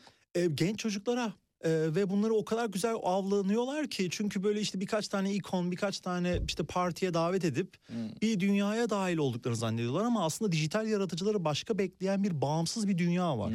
Ve şu an daha hala hiçbir şey daha oturmadı. Şu an oturduğunu zannediyor herkes. Oysa ki dijitali iyi anlayan insanların bildiği bir şey var. E, o da şu dijital değiştiren bir dünya kendine. Bu ne demek? Şu an popüler olan birçok platform önümüzdeki 5 sene içerisinde popüler olmayabilir. Şöyle örnek vereyim size Facebook ismini değiştirmek zorunda kaldı. yani bunu kitapta nedenini anlatıyorum. Ee, e, yani bunlar şaka şeyler değil. Bunları şey gibi yorumluyorlar. Hayır Facebook şu an metaverse'e geçiyor falan. O o kadar kolay değil. O Facebook çünkü e, bazı mahkemelere çıkmak zorunda kaldı bazı ha- hareketlerinin sonucunda. Ve o ismiyle daha devam edemeyeceği ortaya çıktı artık. Bunları niye böyle söylüyorum? Bu hadi bunun daha politik tarafı ama bunun hiç politik tarafına girmeden de mesela Hotmail diye bir şey vardı ben internete girdiğimde her yer Hotmail'dı. ICQ vardı. Hiçbiri hatırlanmıyor şu an. Ve bunların üstünden inanmayın 50 sene geçmedi yani. Şimdi günümüze gelince de bunu ben böyle söyleyince bazen nasıl abi öyle bir şey bitemez. Biter. E, Ve şu an birçok ama ne bitmez siz de bir hukukçusunuz biliyorsunuz senin anla, e, imzaya attığın sözleşme bitmez. Eğer orada süresiz haklarını devrediyorsan. E, mesela bunun gibi çok basit gibi gözüken ama dağ gibi önemli kavramlar var ve bunu küçük çocukların bilmesi gerekiyor. Kimse bunları onlara anlatmıyor. Çünkü onlar zannediyorlar ki ellerinde bir tane işte kamerayla ben kendimi çekerim internete koyarım ve e, hiçbir şey bana olmaz. Öyle değil. Sen bir sözleşme imzaladığın zaman birisiyle bunun bazı sonuçları olur hayatında. E, ve bunu sonra ben değiştiririm dediğin zaman da değiştiremezsin. Ve bunu aslında gençlerin dilinde anlatan insanlara ihtiyaç var. Çünkü ben bunların zorluklarını da yaşadım kendimde. Kimse bana bunları anlatmadı. Ben kendim öğrendim. Bunu da kendime bir görev bilindim. Yani aslında bu arada e, bunu söylemek lazım. Yani bu konu başlığıyla dijital yaratıcılar için yaratılmış yazılmış bir kitap yok Türkçe'de. E, yani olan Doğru, kitapların hepsi doğru. sadece şey yani YouTube'da nasıl ünlü olunur, Instagram'da Nasıl, nasıl, makyaj videoları falan çekilir. çekilir falan Evet, ama daha büyük belki. bir şey var. Yani şu an ben e, İşin hukuki altyapısını da aslında siz anlatıyorsunuz. Birçok özünü ben hukukçu özünü, değilim yani tamam. yanlış bir anlam Ama olmasın. birçok hukukçunun da belki bu kadar e, hani rahat anlatamayacağı şekilde de anlattığınızı fark ettim. Ee, sağ olun teşekkür ederim Bu ama tecrübe ve bu aslında deneme yanılma yoluyla da yak- e, ka- karşılaşılan bir takım e, geçmişin bir sonucu olarak sanki evet değil mi e, yazılmış? tabii ki tabii ki yani e, ülkedeki na- nadir sayılan bütün önemli hukukçularla artık bir sohbet etmişliğim var diyeyim benim bu saate kadar gelene kadar. Çünkü e, ne yazık ki bunu söylemek lazım dijitalleşen e, platformlarla birlikte bir kötü bir üst jenerasyon gelişti. Bunu e, kendi arkadaş grubumuzdan bağımsız söylüyorum ve bunlar gençlerin önünü kapamak için kendilerini Hmm, motive eden bir hmm. üst gruptan bahsediyorum. Hmm. Evet kendilerini sanki dijital böyle dijital dünyada gençlerin önünü açıyormuş gibi lanse ediyorlar ama aslında tam tersi gençlerin önünü kapatan çok ciddi ve bunu sistematik yapan böyle insanlar var. Şimdi bunların karşısında gençlerin sadece bilgiyle e, ayakta durabilirler. Ve bu bilgiler de öyle bir şey ki Türkçe'de nedense bilgiye karşı e, böyle bir e, nasıl diyeyim güzel ve tatlı bir, de, bir şekilde birbirine aktaramama sıkıntısı var. Yani böyle bilgili birisi de mesela başka birisinin ihtiyacı olan bilgiyi hep bağırarak ya da zar zor veriyor. E, bu kitap aslında biraz o e, şeyleri bozuyor e, o anlamda. Yani çok temel, çok basit. Mesela e, inanmazsın. Bak yakın zamanda gerçekleşti. Birkaç hafta önce bir kız e, tanıdığım bir sanatçı bir kız var ve bu e, NFT'de inanılmaz büyüyor. Yani bayağı satışlar yapıyor. Ne kadar bu dünyaya haberdarsın bilmiyorum ama Bitcoin gibi dünyalara falan. Yani böyle bildiğim bir Ethereum birkaç Ethereum'dan işlerini satabiliyor. Ve bunlar ciddi paralar çünkü 4 bin dolar 8 bin dolar demek şu an bir, bir Ethereum'un bedeli. Ee, ve Şimdilik aynen. şu an bir de bu arada Ee, yani ileride bu 10 bin dolar da olabilir 100 bin dolar da olabilir vesaire vesaire. Şimdi bir yere bağlayacağım ve bu benim YTD diyelim de ya, Sonra başımız belaya girmesin. o anda yani benim ne demek istediğimi anladınız. Evet, Ee, evet. e, ve bu etrafımda olan birisi olmasına rağmen bir kitabı göndermişim. Geçen günlerde beni arıyor birkaç gün önce e, titreyerek ve dünyanın en kibar insanı. Tabii endişelenmiş, korkmuş. Hayır başka bir şey olmuş. Ha ne olmuş? Ee, işini satıyor. Sattığını gören başka birisi e, hemen pirana gibi kızın üstüne saldırmış. Diyor ki bu işin sahibi benim. Or hiçbir şekilde yani işi yaratan kendisi. Hmm. Ve dayandığı hiçbir şey yok. Yani bir, elinde bir belgen var mı? Yok. Muvaffakatnamen var mı? Yok. Hmm. Ha, bilmem ne tarihinde ben onu bilmem nereye de göstermiştim. O yüzden gösterdiğim için sahibi benim. Yok öyle bir dava. Hmm. E, ve beni arıyor heyecanla. Ne yapayım ne edeyim falan. Valla dedim ben sakin ol. Hiçbir şey olmaz. Yani bu kadar basit. Bunu niye böyle anlatıyorum? Ve bunu yapan başka bir ya onu anlaması gereken kişi inanılır gibi değil. Yani küçük küçük e, gençleri böyle telefonlarla korkutup sanat eserlerine sahip olmak isteyen ve bunların böyle medya sektöründen insanlar var ve bunlar çok ciddi derecede var. Yani şey değil şehir efsanesi değil bunlar. Evet, değişimin bu kadar yoğun yaşandığı dijitalleşme döneminde ortaya çıkan her fikir bir önceki referans fikrinin üstüne geliştirilmiş oluyor. Dolayısıyla genç yaratıcıların yaratma özgürlüğü zannedilenden daha kısıtlı bir bakış açısıyla ilerliyor. Fikirlerinde fazlasıyla özgür olan kişi ise kendisine deli denmesinden korkar ve bu korkusunda da haklıdır. Geçmişte 100 sene gibi bir sürede ilerleme kaydedilen bazı konular günümüzde günlerle ölçülebilir diyor Muğtunç'un e, kitabından Genç Rönesans'tan yaptığım alıntıda. Böyle ara ara kitaptan alıntılar yapayım. Teşekkür Siz ederim. de Çok güzel buna bir ilişkin açmış olursunuz. Tamam o bahsederken e, bu tam tamamlayacak diye düşündüm o yüzden alıntıladım. Teşekkür ederim. Çok güzel bir şey yani kısmı paylaştın. Onu yazma nedenim şu. Dediğim gibi ben bunu kıs- yani kendi özel hayatımda da çok yaşıyorum. İnsanlara mesela bazı yer, şeylerden bahsediyorum. Hı Ee, bak abi şu an hatırlıyor musun diyorum. Aa evet hatırlamıyorum. E, o zaman şu anda gördüğün bazı platformları da 5 sene sonra hatırlamayacaksın dediğimde Hmm. nasıl yani filan. E, dijital böyle bir şey artık. Zaten inanın bu arada e, mesela şu çok önemli bir ayrım. Yani benim konuşmamdan şu anlaşılmasın. İşte dünyayı robotlar ele geçirecek, dijital e, iğrenç, e, bilmem falan. Böyle Evet. bir şey değil. Ben dijitale tamamen inanan birisiyim ve bunun yani holistik benim hayatımı hı. bütün dijitalle oldu. Yani benim Hı şu an sizin karşınızda da böyle bir şeyleri konuşabilmemin sebebi e, kitapları internetten satın alabilmemden dolayı oldu. Hı hı, Ya şimdi bunların hepsi ben dijital kültüre borçluyum. Hı hı. Şimdi buradan bir yere bağlıyorum. Dijital ta- zannedildiği kadar kimsenin dominantlığını kuramayacağı kadar enteresan bir organizma biçimi. Hele ki Evet. bu şu an decentralized yani e, sen e, merkezi olmayan Web 3 noktadan sonraki döneme girildi. Hatta Elon Musk geçen gün tweet attı. Nerede Web 3.0 ben göremiyorum nerede diye. O aslında bir dalga geçiyor orada bir espri. Hmm, Birkaç gün önceki tweetlerine giren bakan olursa görür. Ya onun aslında altta, altındaki yazanları da görür. Herkes dalga geçiyor bunda. Çünkü internet artık görülemeyen bir platforma doğru dönüşmeye başlayacak. Bundan kastettiğim şey de şu. Bizim gördüğümüz bütün bu e, işte aplikasyonlar e, vesaire işte bütün bu programlar hepsi bir makyaj ürün. E, bunun ötesinde aslında hepimizin bir ürünlerini sergilediği ve satabildiği mesela örneğin şu an ben size kitabımı belki telefonumdan sadece bir e, wallet'la size ana aynı anda linkini attığım vakit siz de bastığında bana parasını vereceğiniz bir yapıya doğru gidiyoruz. Bu dediklerim şu an bu arada mümkün. Ee, bunun daha da ötesi olacak. Bunları da böyle anlatmamın sebebi o kitapta da o kısımda da şunu söylemeye çalışıyorum. Biz buraya 100 senede nerelere geldik değil mi? Bakın 100 sene önce televizyon yoktu. Hı hı. Şu an neden bahsediyoruz? 100 sene sonra Hı hı. inanılmaz şeyler olacak. Hı hı hı. Ama bunu böyle görmek istenilmeyen de bir e, üst jenerasyon var. Yeni jenerasyonun artık biraz bu bu kafalardan uzaklaşması için bunları söylemeye Evet. çalışıyorum. Teknoloji kendini hayatın her alanında yeni yeni hissettirmeye başladığı için bizler Evet. şu anda teknolojik gelişimin zaten tamamlandığı bir süreçte yaşıyormuş gibi algılayabiliriz.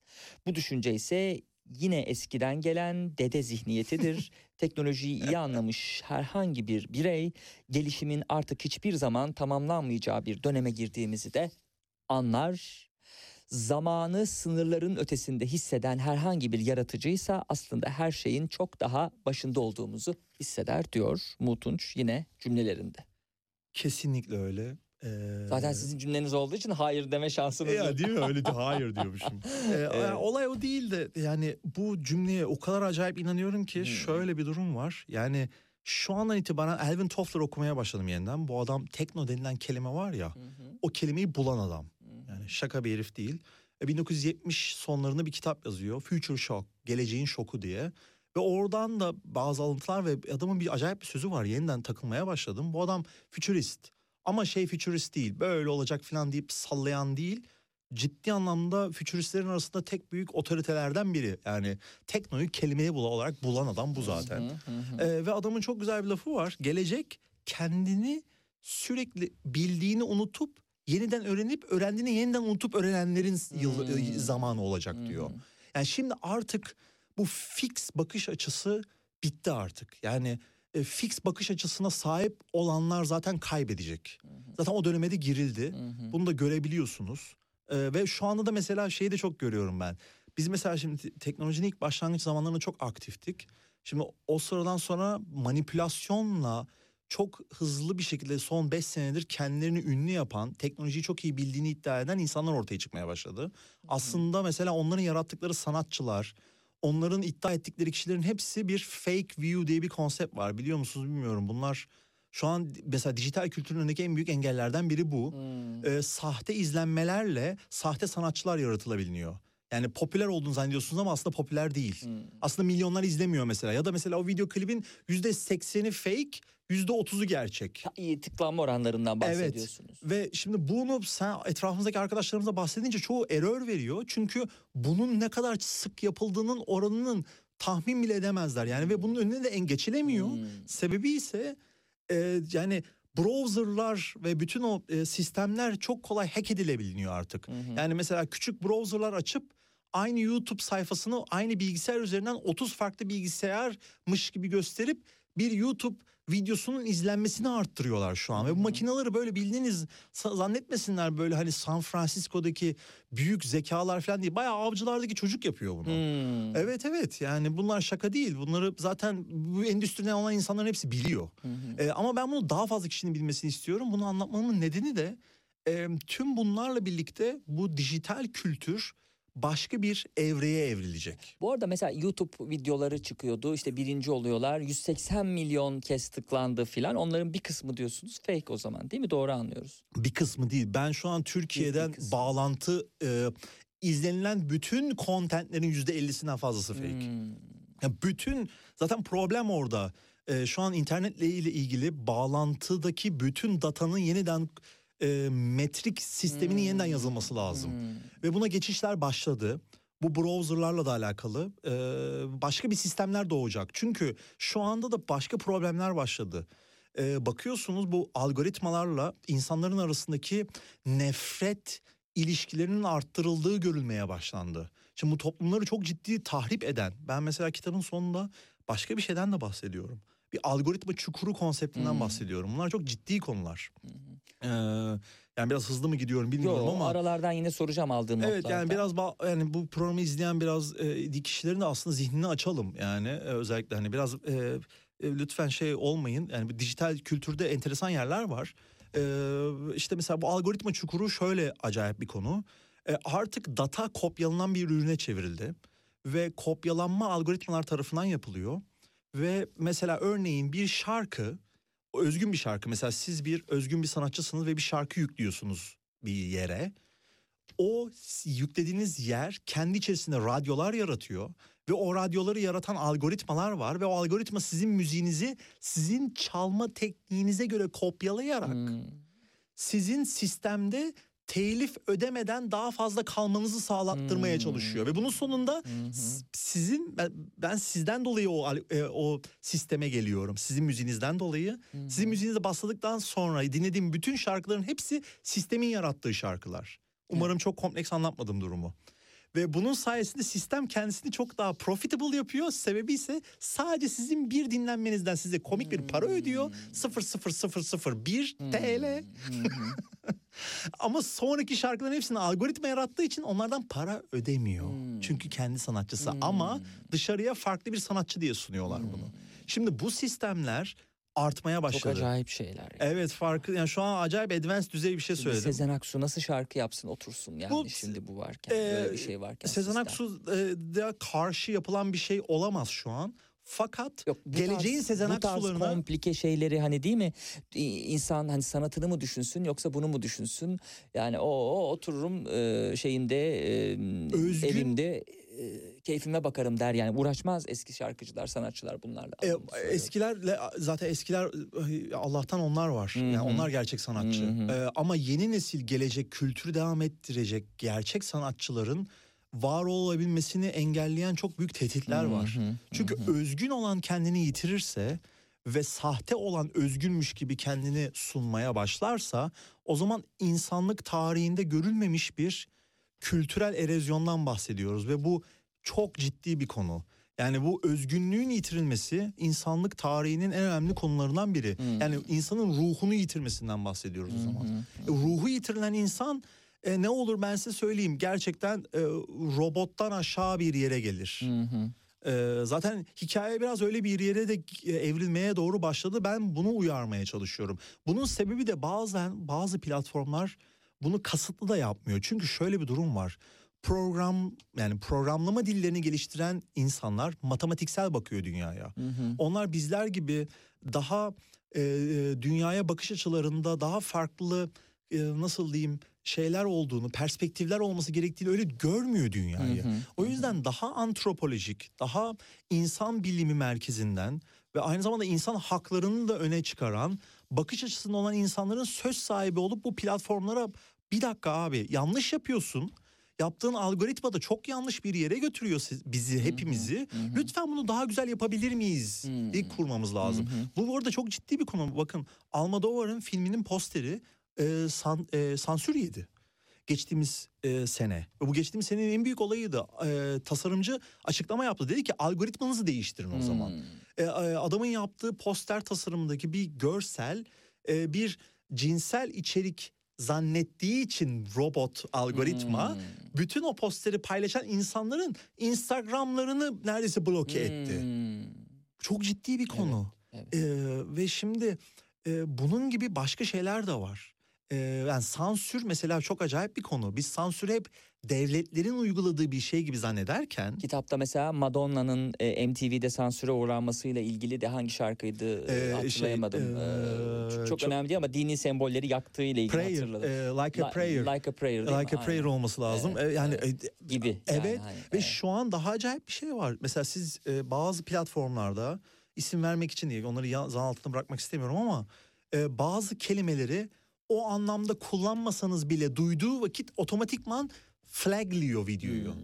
E şimdi e, sen hepimizi bu hale çevirdiğin zaman o zaman özgün düşüncenin önündeki en büyük engeli uygulamış oluyorsun dijital e, platformlar olarak. Ve gibi gibi ya da mesela şu an dijital platformlar tüzel kişiliklerine sığınıp istediklerini yapabileceklerini zannediyorlar. Mesela bir şeyleri atabileceklerini. Mesela bazı albümleri koymayacaklar. Mesela geçen gün ben bilmiyordum Baba Zula'nın e, albümü daha yeni bir platforma girmiş. Dün paylaştı Murat Ertel. E, ben bilmiyordum sansür yemiş. İnanır mısın? E, CD'de sansür mü olurdu? Yani Aynen. CD'de sansür yememiş bir albümü platform e, e, şeyine koymuyor. E, diskografisine koymasına izin vermiyor. Yeni çözülmüş. Şimdi bu Babazula gibi bir müzikten bahsediyoruz. Hani neredeyse söz yok. Hani hiçbir politik bir duruşu olmayan bir grubun yaşadığı bir şeyden bahsediyoruz. Ee, bir müzikten. Ee, düşünün bir de siz biraz farklı bir düşünceye sahip bir müzik yaptığınızda imkansız belki de gelecekte var olmanız. Evet. Şimdi e, bir bir dakika kadar soluklandırmış olalım e, Muğtunç'u. E, bugün bana gönderilen kitaplardan bir kısmından bahsetmiştim programın ilk kısmında. Söz ve yazı geldi sessizlikten çığlığa, çağdaş felsefe kısmından ama bunun dışında doğmak, içteki ses, zaman ve başka imkansızı düşünmek gibi başka çevirileri de varmış çağdaş felsefenin. Ee, Emre Hüner'in kitabı ulaştı Arter'den ondan bahsedelim. Berkant Şimşek'in Canım Şeytan kitabını da sizin için seçtim. Niye seçtim sizin için? Şehrin dışındaki bir sanayi bölgesinde metal müzik hayranlarının kalesi olan merkez toplu intihar olaylarıyla çalkalanmaktadır. Hepsinin ortasında da yarı beyaz yakalı, yarı metalci Haldun gönülsüz bir dedektiflik macerasına atılır. Berkan Şimşek'in Canım Şeytan kitabı Alfa Alacağım. yayınlarından size hediye ediyoruz bunu. Aa teşekkür Evet. ederim. Aa çok güzel. Evet. Şimdi e, Muhtunç Genç Rönesans kitabında sevgili dinleyenler birçok soruyu da cevaplıyor. O yüzden bu dijitalle meraklılar ya da eser üretenlerin Evet. e, merak ettiği sorular da var. Mesela bunlardan iki tanesi eserin sözleşmesiz ve senden muvaffakatname alınmadan tüm dünyaya yayınlanırsa ne olacak konusu. Önemli bir tartışmaydı ve yine aynı şekilde şimdi sen bedavaya yap sonra çok iş yapacağızcılar. Cazcılar o kısmı çok Evet, önemli. Tabii o, onlara ilişkin e, dikkatli olunması gereken e, ayrıntılar da yine Şu var. an- yani düşünün bu yaşımda bile hala utanmadan beni arayıp e, bunu e, bu dediğim şeyle yüz yüze geldiğim durumlar oluyor. Bu yaşımdayım. Yani beni arayandan daha fazla süredir sektörde çalışmışım. Türkiye'yi biliyorum. E, diyor ki e, bu işi yapalım sonra çok iş yapacağız. Bu lütfen bu radyo programı dinleyen herkese diyorum size bunu söyleyen herkesten kaçın yani. Hmm. Hatta ifşa edin. O an storiesini çekip paylaşın. Bu kişi bana bunu söyleyip kahkaha atıp koyun. Peki şey e, sözleşme eğer bütün dünya yayınlanırsa ne olacak muvaffakat yoksa? e, suç işlenmiş oluyor ve dünyadaki en büyük suç işlenmiş oluyor ve dünyanın her yerinde bu geçerli. Muvaffakatname olmadığının ortaya konması yeterli. E, o kadar acayip ki e, Türkiye'de bir, ya siz de sonuçta hukukçusunuz biliyorsunuz. E, Allah'tan hukuk var bu arada. Ben yani bu o kadar yani ben hukukçu değilim e, ve hani hiçbir şekilde geçmişimizde de nedense mesela bizim okullarımızda bu eğitimin verilmesi gerektiğini düşünüyorum. Yani bu programı dinleyen her bir yani yönetim kadrosunda olan hiç hoca varsa sanat okullarında bence kesinlikle hukuk seçmeli olarak verilmesi lazım ama telif ya çok basic yani çok temel yani çok temel şeyler sözleşme bile bilinmiyor. Yani sözleşmenin ne olduğunun bile ben Türkiye'de çok sanatçı tarafından bilindiğinden emin değilim. Ee, hani çok temelden bahsediyorum. Ee, bunun gibi şeylerin derslerinin verilmesi lazım ve bunun tatlı bir şekilde anlatılması lazım. Yani böyle bağırarak, çağırarak hani sen bunu anlayamazsın diyerek değil tamamen yani hukukun ne kadar önemli olduğunu inanın yani bu hukuk sadece böyle biz hep şey gibi düşünüyoruz. Hani mal, mülk gibi konularda ya da işte evlilik, medeni konularda geçerli. Hayır. Yani özgün insan ruhunun devamlılığı ancak hukukla sağlanacak. Yani bu çok net. Yani teknolojiden bence daha önemli şu an hukuk ve özellikle yeni hukukçulara lütfen dijital hukuk haklarıyla ilgilenin. Yazılar yazın. Etrafınızda Pek yani- az bilinen bir konu değil Ya- mi? Ve konuşulan, araştırılan bir konu. Biliyorum mesela şu an hani hukukta da mesela sonuçta yeni bir ton hukukçu arkadaşlarımız var ve mesela iş bulmakta zorlanıyorlar ama ben mesela onlara şunu söylemek istiyorum. İnanılmaz bilinmeyen yerler var. IP rights konusu var. Türkiye'de çok az kişi farkında durumun. Ya da mesela YouTube filmleri konusunda YouTube'da yayınlanan filmler konusunda hukuk bilgisinin ben çok eksik olduğunu düşünüyorum ve birçok hukukçu için de orada çok büyük alanlar olduğunu düşünüyorum. Gibi gibi yani şu an mesela özellikle eğer dinleyen varsa genç nesilden hukukçu lütfen dijital hukuk haklarını önemseyin. Çünkü gelecekte kitapta aslında ben biraz öyle bir yerde bitiriyorum. Ee, sanat form değiştiriyor artık. Öyle ki dijital üretici olan insan artık hayatın her evresine geçecek. Yani muhasebeci de, doktor da, veteriner de, e, işte hukukçu da YouTube kanalı açmak zorunda kalacak. Ki o döneme girildi zaten şu anda.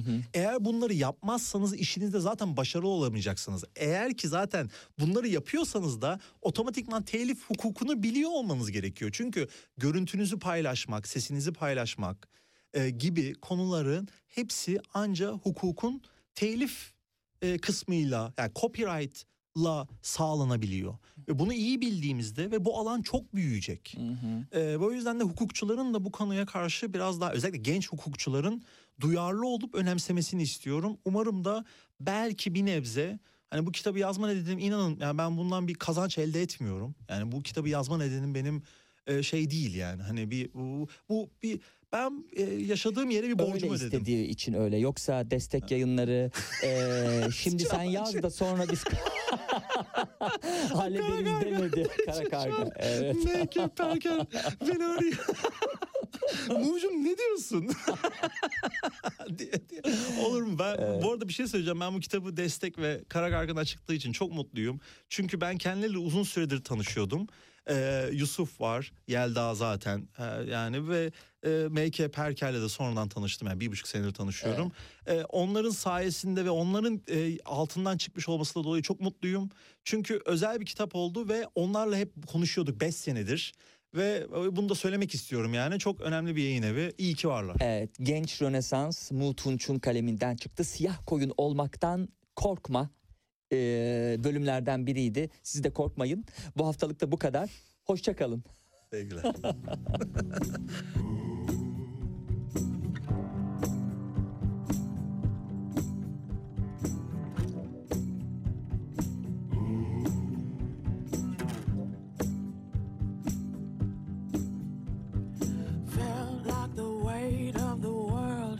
was on my shoulders. Pressure to break or retreat at every turn. Facing the fear that the truth I discovered. No telling how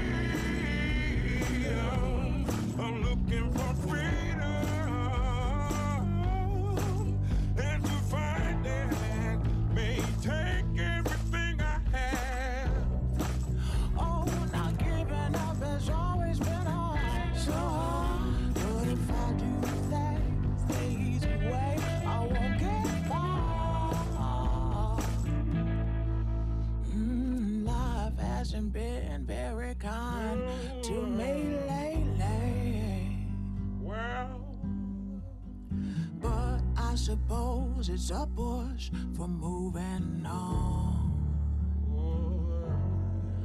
In time, the sun's gonna shine on me nicely. One day, Something tells me good things are